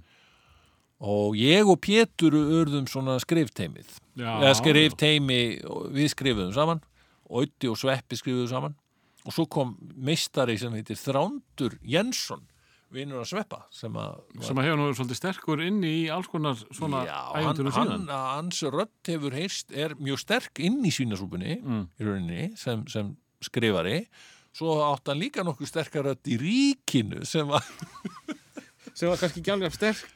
Nei, það var ekki alveg ja, hérna, vinsælseri allavega en, en mentskælingar í dag hafa daldi verið að taka þetta og, og, og he, hérna, tala um þetta sem hinna mestu snill Ríkið, það er sama krúið það ekki bara. Nei, það er bara alls konar. Það, er, það eru rosa margir sem komu að ef þú lest bara kreditlistan þá voru eitthvað 20, 25 manns sem áttu contribution í, í handriti sko. Já, ok. Og þetta var svona en það var í rauninni og það var það sem var ríkinu svona ekki til góðs var að það var í rauninni ekkit eitt hjarta sem sló með þessu sko. Það Varst þú ekki yfir því? Jú, en ég, mitt hjarta sló ekki með því sko. Ég var að gera eitthvað miklu merkilegra að mér fannst sem var hvað? að hitta já, það, ég var að byrja að gera pressu þarna og, Já, og svartir englar og svona glæpa þetta sko. Og hvenar, hvenar dettu það inn? Hvenar, það erstu bara búin að vera að gera einhvers konar grín uh, sjónvarp já, uh, og orðin svona head of uh, writers eitthvað, ég veit ekki hvað það heitir. já, já af hverju ferðu þá sko, þú fer alveg full force í serjur, Já, já, hvernig, serjur? Já, svona sagamála. já, já, það er þá, það, að því að mig hafði alltaf langað til að gera það. Já, en akkur fegstu sjansinn? Ég séð, sko, það er ekki eins og ég býði bara og einhver gefið mér sjensin. Ég menna maður þarf að búa þetta til. Já, varst þú búin að veginn. Já, ég bara pizzaði þessu með, já, við Óskar Jónusson, við, við svona komum með þetta til stöðu 2, sko. hvað, hvað var það fyrsta sagamála Pressa. það var pressa, Já. sem að þú skrifar einhverju litið Já. Með Óskari þá? Uh, með sko við þetta var þannig að við ég var svona yfir um sjón handreitsins og Óskar var með mér sem leikstjóri var og við kokkuðum upp söguna saman og hérna og síðan fáum við þetta Yrsa Siguradóttir skrifar eitt þátt til dæmis í fyrstu seríu og fleiri Ævar Örn Jósefsson og fleiri svona glæpahöndar Ég verð að fá aðeins að spyrja það út í þetta því Já. ég, oft pælt í þessu veist, þú ert svona pappi seríunar, allan handritana Já. eh, Erst þú þá að veist, Yrsa skrifar þarna skemmtilega sögu og þessi stelpa dettur á rassinni, þú segir, Nei. hann gerir það Já, nei, nei, nei, það er enginn sem skrifar sögu, sko. Þetta, er, þetta, er, þetta er ein samfellsaga Já. sem er plottuð í, í hérna í herbergi með öllum yfirleitt Líka þá þessi sem er að skrifa einn og einn þátt Já. Já. og, og þar er, er bara skrifað upp á töfluna, þú veist, senu, sena fyrir senu og þú veist, þegar við erum að vinna í þessum þætti, þá erum við að vinna í þessum þætti og það vinna allir í þættunum þáttunum saman. Síðan er hverjum og einum bara skamtaður, hérna, erðu okkar, farðu þá með þennan tjönk og skrifaðu þátt upp úr þessu. Og hversu mikið frelsi hefur Já, hann hefur rauninni ekkit sérstaklega mikið frelsi. Hann hefur, eh, þú veist, það er bara, en, en hann tó, tekur þátt í að skapa þáttinn með hinnum þannig að þetta er, þetta er svona þetta er sena fyrir senu skiluru, þannig að þetta er ágætis eh, lýsing á hverju senu sem við komum til að skrifa síðan. Og uh, síðan bara skilar hann þættinum inn. Og þá, þá, já, sko, það er ekkit þetta, eh, sko, hver þáttur er skrifaður svona, það er tíu dröft af hverjum þætti, sko, Mm. þú veist, fyrsta draft og, og þá lesa það allir og hérna, er það já, hérna hvað segir maður að gera þetta frekar svona eða hinsegin og svo fremins og, og þá sapnar viðkomandi nótunum og skrifar næsta draft og svo kolla kolli og svo þegar þetta er komið á ákveðinstað þá yfirleitt teki ég við öllu, eða teki ég við þættinum og endurskjörn skilur Já. ekki end, eða sem sagt vinn í Tengir næstu dröftum Tengjan? Já, já, eða svona, það, já, já, stundum er það. Ég, alltaf á einhverjum ákveðum tíamúti þá, þá er ég með alla seríuna undir sjálfur Já. og get þá meiri sér að tekið kannski senu úr einum þætti og fært hann yfir í annan e- og svo já ok, þú hefur svona loka ákvörðunarvald eitthvað Já, í góður, góður í samvinnu við aðra skilur sem eru kannski að koma að þessu. En sko, nú eru náttúrulega oft margir leikstjórar líka Já. Hver er þá yfir þér sem uh, aðal handrits pappi? Uh, engin? Fram, það er ekki framleiðundur? Uh, já, þú veist, ef, ef við erum að tala um óferð sem er nú svona mesta fullorins verkefnið og það sem einmitt koma hérna koma að margir leikstjórar þá er, jú, það er náttúrulega þá, þá er balti yfir öllu í rauninni ég stjórna þessar handritinu og er að vinna þetta með fleirum, mm. skilur sem að skila síðan inn og svo er þeir bara útskrifaðir ég held, ég Þeir síðan- farnir að koma ekkert aftur Já, Já. síðan sitt ég með handritið og vinn það og þá er þetta aldrei milli mín og balta hvernig, hvernig síðan enda útkoma verður Mm. Og, og þannig að hann er yfir, yfir því en hann, hann í rauninni bara les hann Já. skrifar ekki en, en hann er samt alltaf involveraður í allt saman sko.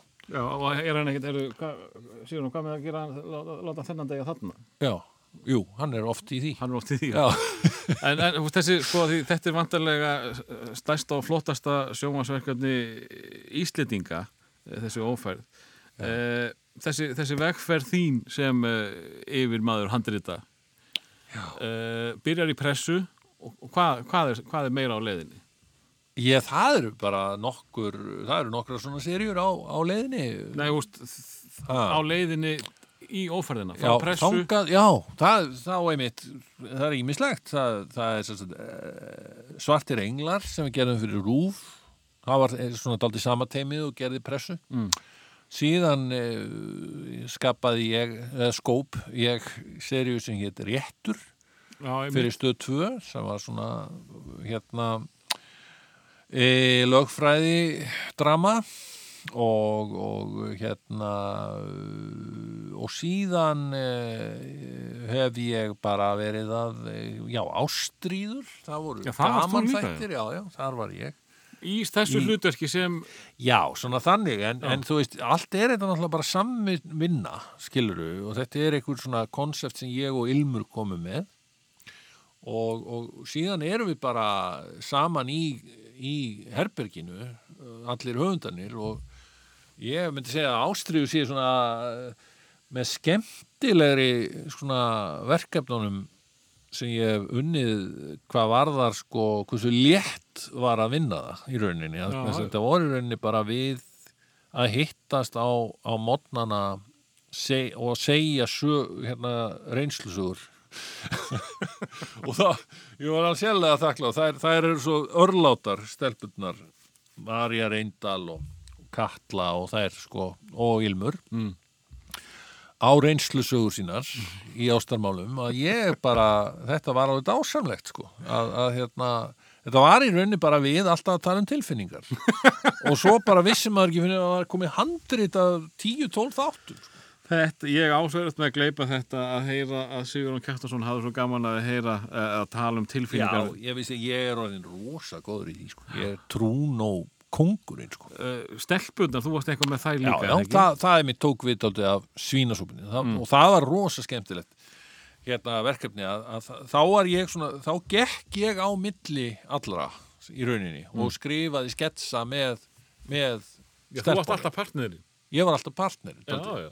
Sumar, jú, jú, skrifuðu eitthvað saman en ég var samt alltaf svona að ég, það var al, algjörlega briljant og þarna kynntist ég Ilmi ég var að skrifa með henni ég var að skrifa með henni Brynhildi hérna Guðjóns og, og, og hinum og þessum hérna leikonum Mm. sem að þú veist, maður var bara í rauninni að testa skilur getur þessi skrifað? Kötlu skrifaði ég mikið með. Mm. og svo framvegis. Og, og hérna Magga Örnóls kom inn í það nóp líka. Þannig að þú veist þetta voru svona þetta var mjög gaman að, að vinna stelpurnar að- í rauninni bara að fá fólk með sér til að vera mótherjinn í grínskrifum skilur Uh, þá verði ég að spyrja sko að því að, að eh, þinn helsti uh, mótherji Jón já, er stundum uh, á öðrum stöðum en við hinn. Já, og uh, heldur að það hafi ekki hjálpaði rosalega mikið að þessi mótherji hafi verið fyrsti mótherjin bara í 15-20 ár. Að, að vera svona duglegur að grípa snildina sem kemur já frá akkurat hann, hann uh, í rauninni hann uh, sko reynslan að því að skrifa með honum er í rauninni svo að, að vera einmitt hann, hann getur stundu bara verið eitt alls er flæði sko. Mhm. og svo er það mitt að grípa það Já. skilur það, það var í rauninni daldið þannig Já, ég, ég, ég heyrði einhverja lýsinga að þessu frá hann og Þorstinni sko að hann var pínu fúll með að þið voru miklu fljótari skri, Já. skrifuðu fleiri sketsa móti, móti eh, þeim sem að hérna, ha- hann og, og, og Helga gerðu. Já, en það verið sem sagt Jón að bladra endalaust og svo heyrist einu svona aaa, býtu, býtu, þannig er eitthvað. Svo, það var sigur hún að grípa. Já. og það, það var mjög mikið þannig. Eh, við, og, og við höfum alltaf verið rosalega einmitt fljótir að, að, að, að því að við náttúrulega í dag skilur stöndum við bara á svona fjalli mm. samstarfs okkar og þess vegna er til dæmis eins og þú kannski tekið eftir það tekur okkur ekki langan tíma að undirbúa eitt, eitt stykki þátt Nei, það, það, þeir eru með teimi í þessu sem að er, að vi- vinna vikum saman eða ekki fyrir hvað þá Mér minnir allan þið segja það í, Já, við getum oft uh, við, við höldum þeirri blekkingu en, en, en það er ekki þannig. Það er svo svona við, við þurfum aldrei meir en svona 20 mínútur til þess að bara að, og ég vil kannski minna það já, ef ég mætti bæta við uh, vegna þess að þið kannski eigið 20 mínútum í að undirbúða þáttinn en notið því já, í þættinum. Svo er það líka það sko. Og, og þessi nýbreytni ykkar að koma fyrir framann uh, fólk uh, á, upp á sviði það á Ísafjörðu og er að leiðan að gera það núna þegar þessi þáttur er tekinu upp hérna í Háskóla Bíó hversu mikill undirbúningur er þar? Uh, já sko, Ísafjörður var hálftími í gamla bakarinu Það er nefnilega þannig sko. en, en þetta er aðeins meiri undirbúningur þannig að háskólabíó. Það er smá músíkproduktsjón sko. Mm. ég, það, ég hef sem sagt þurft að taka upp hérna gamla Alesis synthesizerinn minn. Nú, nú, ok, það er ég, production. ég er ekki búin að nota hann í meir en 20 ár sko. Okay. 30, nei 20 ár. Og hérna og, og sem sagt e, og ég er að tengja þetta við tölvu og alls konar vesinn sko. Og það er produksjón, já, Og eru æfingar eða? já, já. Það er alveg verið að læra texta og alls konar sko. Og semja, nýja. Það, er, það, eru, það verða tvö lög frumflutt þarna.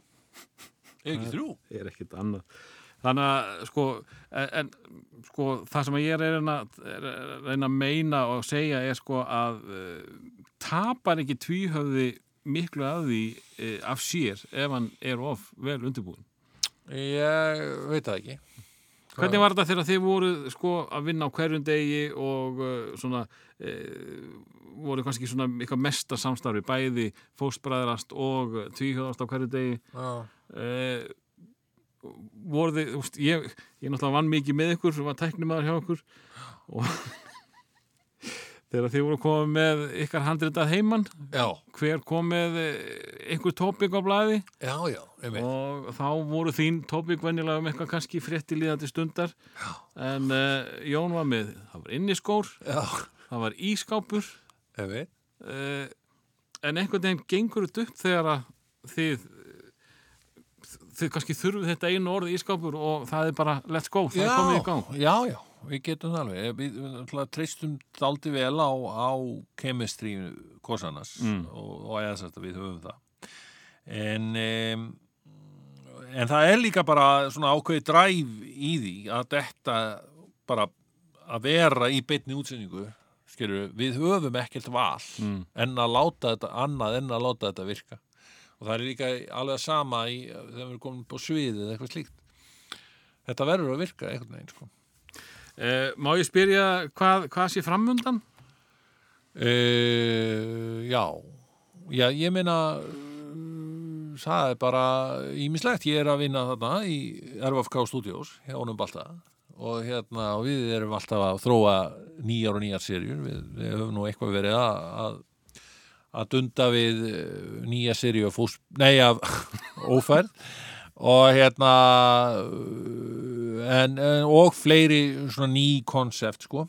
Eh, ég eh, þannig, að það, eru, það eru spennandi hlutir að gerast þar. En, en hérna nú og svo eh, erum við Jón þarna að, að gera það sem við erum að gera. Við erum alveg til í að halda áfram með þetta podcast þegar við komum úr sumafrí Hvað hérna, sko það virkaði eins og þið varir búin að fá nóg að þessu og jafnvel hvorum öðrum á, á tímabili uh, síðan dettið inn aftur hérna hvað 2017 og, og síðan þá hefur svona úst, mikið að gera þeir út á ófærðin og svo leiðis mm. en upp á síkasti finnst manni eins og það sé bara meiri gretta í ykkur heldur en bara eh, síðustu 20 ár Já, það er það að mörguleiti sko. Það er, þetta, við erum svona einmitt uh, höfum mjög gaman að þessu og við finnum það líka hvað er einmitt uh, spennandi að vinna með það að vera komin yfir 50 sko. Mm. ég meina að vera orðin 50 og gera svona eh, svona þátt sem hann er broadcast eða podcast sko er gríðarlega skemmtilegt og, og, og eina ástæðan fyrir að við þurfum ekki að undirbúa okkur eins vel og, og við þurftum er líka svo að við stöndum við sítjum á fjalli af, af bæði reynslusögum og, hérna og, gríni sem hefur komið upp og út frá því fæðist ímislegt nýtt sko. Hefur aldrei komið til tals að gera til dæmis tvíhöfðu The Movie eða tvíhöfðu sjónvastættir Já, neða, jú, jú, ég meina miljónsinnum, sko, en, en hérna, við erum ekkert endilega þar núna, sko, þú veist, það var meira svona þegar við vorum metnaða fullir ungir menn, þá langa okkur voða mikið að gera, sko, ég held að hafi gert okkur mjög gott til dæmis að splitta, Mm. Því að, það var alveg jansi mörg árið það ekki? Jú, sko, Töluðu eitthvað saman í, í eitthvað Já, það var þarna, nei, þetta er nú bara svona 2002 þá hættir Jón og síðan kemur hann aftur 2004 og ég er í þessu limbói á meðan. Mhm. að að, hérna bara sem, sem og þetta var bara ekki skemmtilegu tími en einmitt, þá við töluðum ekki saman mikið á þeim tíma. En svo bara örðu við, svo byrjum við aftur með þáttinn, síðan var hann tekinn af dagskrá á endanum. Og hérna, og þá fóru við í sitt hvort áttina, ég fór einmitt aldrei að vinna við stelpurnar og, og svona ímislegt og hann fór í nætuvaktina mm, alveg rétt. Og, og við svona hægt Stór verkefni báðum já, og, og, og við svona hægt og rólega náðum að láta draum okkar rætast í sitt hverju lægi, mm. skilur við þannig að, og, og það styrti okkur báða. Meina, Jón hefur síðan farið í alls konar, skrifa fullt af bókum og alls konar hluti sem að hann langaði alltaf að gera. Sama við mig, ég hef farið síðan að, að í þetta glæpadrama allt saman og, og það. Þannig að, að við stöndum mjög sterkir sitt í hverju lagi en kjósum að vinna saman. En erum ekki neittir til þess eins og við gerðum hérna í- eins og var í gamla daga sko. Nákvæmlega. Eh, en er sko þetta, þetta litla tvíhöða eh, slott ykkar, er, er það að fullnæja grínþörfinni? Ætlar bara að vera glæpamaður og, og, og svo tvíhöði þess að milli? Glæpamaður og tvíhöði já, ég hérna já, mér finnst það fínt sko. gera, mér finnst mjög gaman að, gera podcastið og hérna uh, og ef að við hérna og sjá svo til bara hva, hvað við gerum að þessum, þessum hérna með, með að koma fram sko. Já, blokkumur. Já, en, en það, er, það er alls ekkert leðilegt. Það var mjög gaman á, á hérna, Ísafjörðabíó. Mm. Sjáum til hvernig þetta verður með háskólabíó. Sko. Nákvæmlega. Eh, Sigurún, takk hérlega fyrir að, sitja þetta með mér öðru sinni. Já, Með dætt í hug, af því þú talaður um að það væri mögulega tvö ný lög, getum við endað á einu nýju tvíhöðalagi?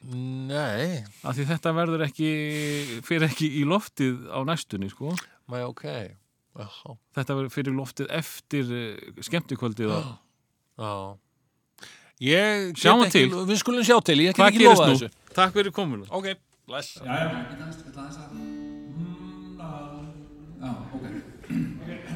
Ég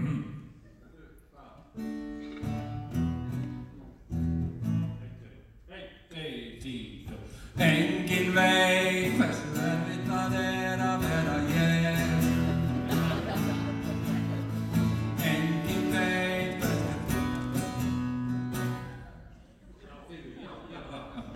Fyrirgeðu, ég klikkaði hérna smá. En við skulum bara byrja að læða aftur. Einn, tveir, þrý, fjó. Engin veit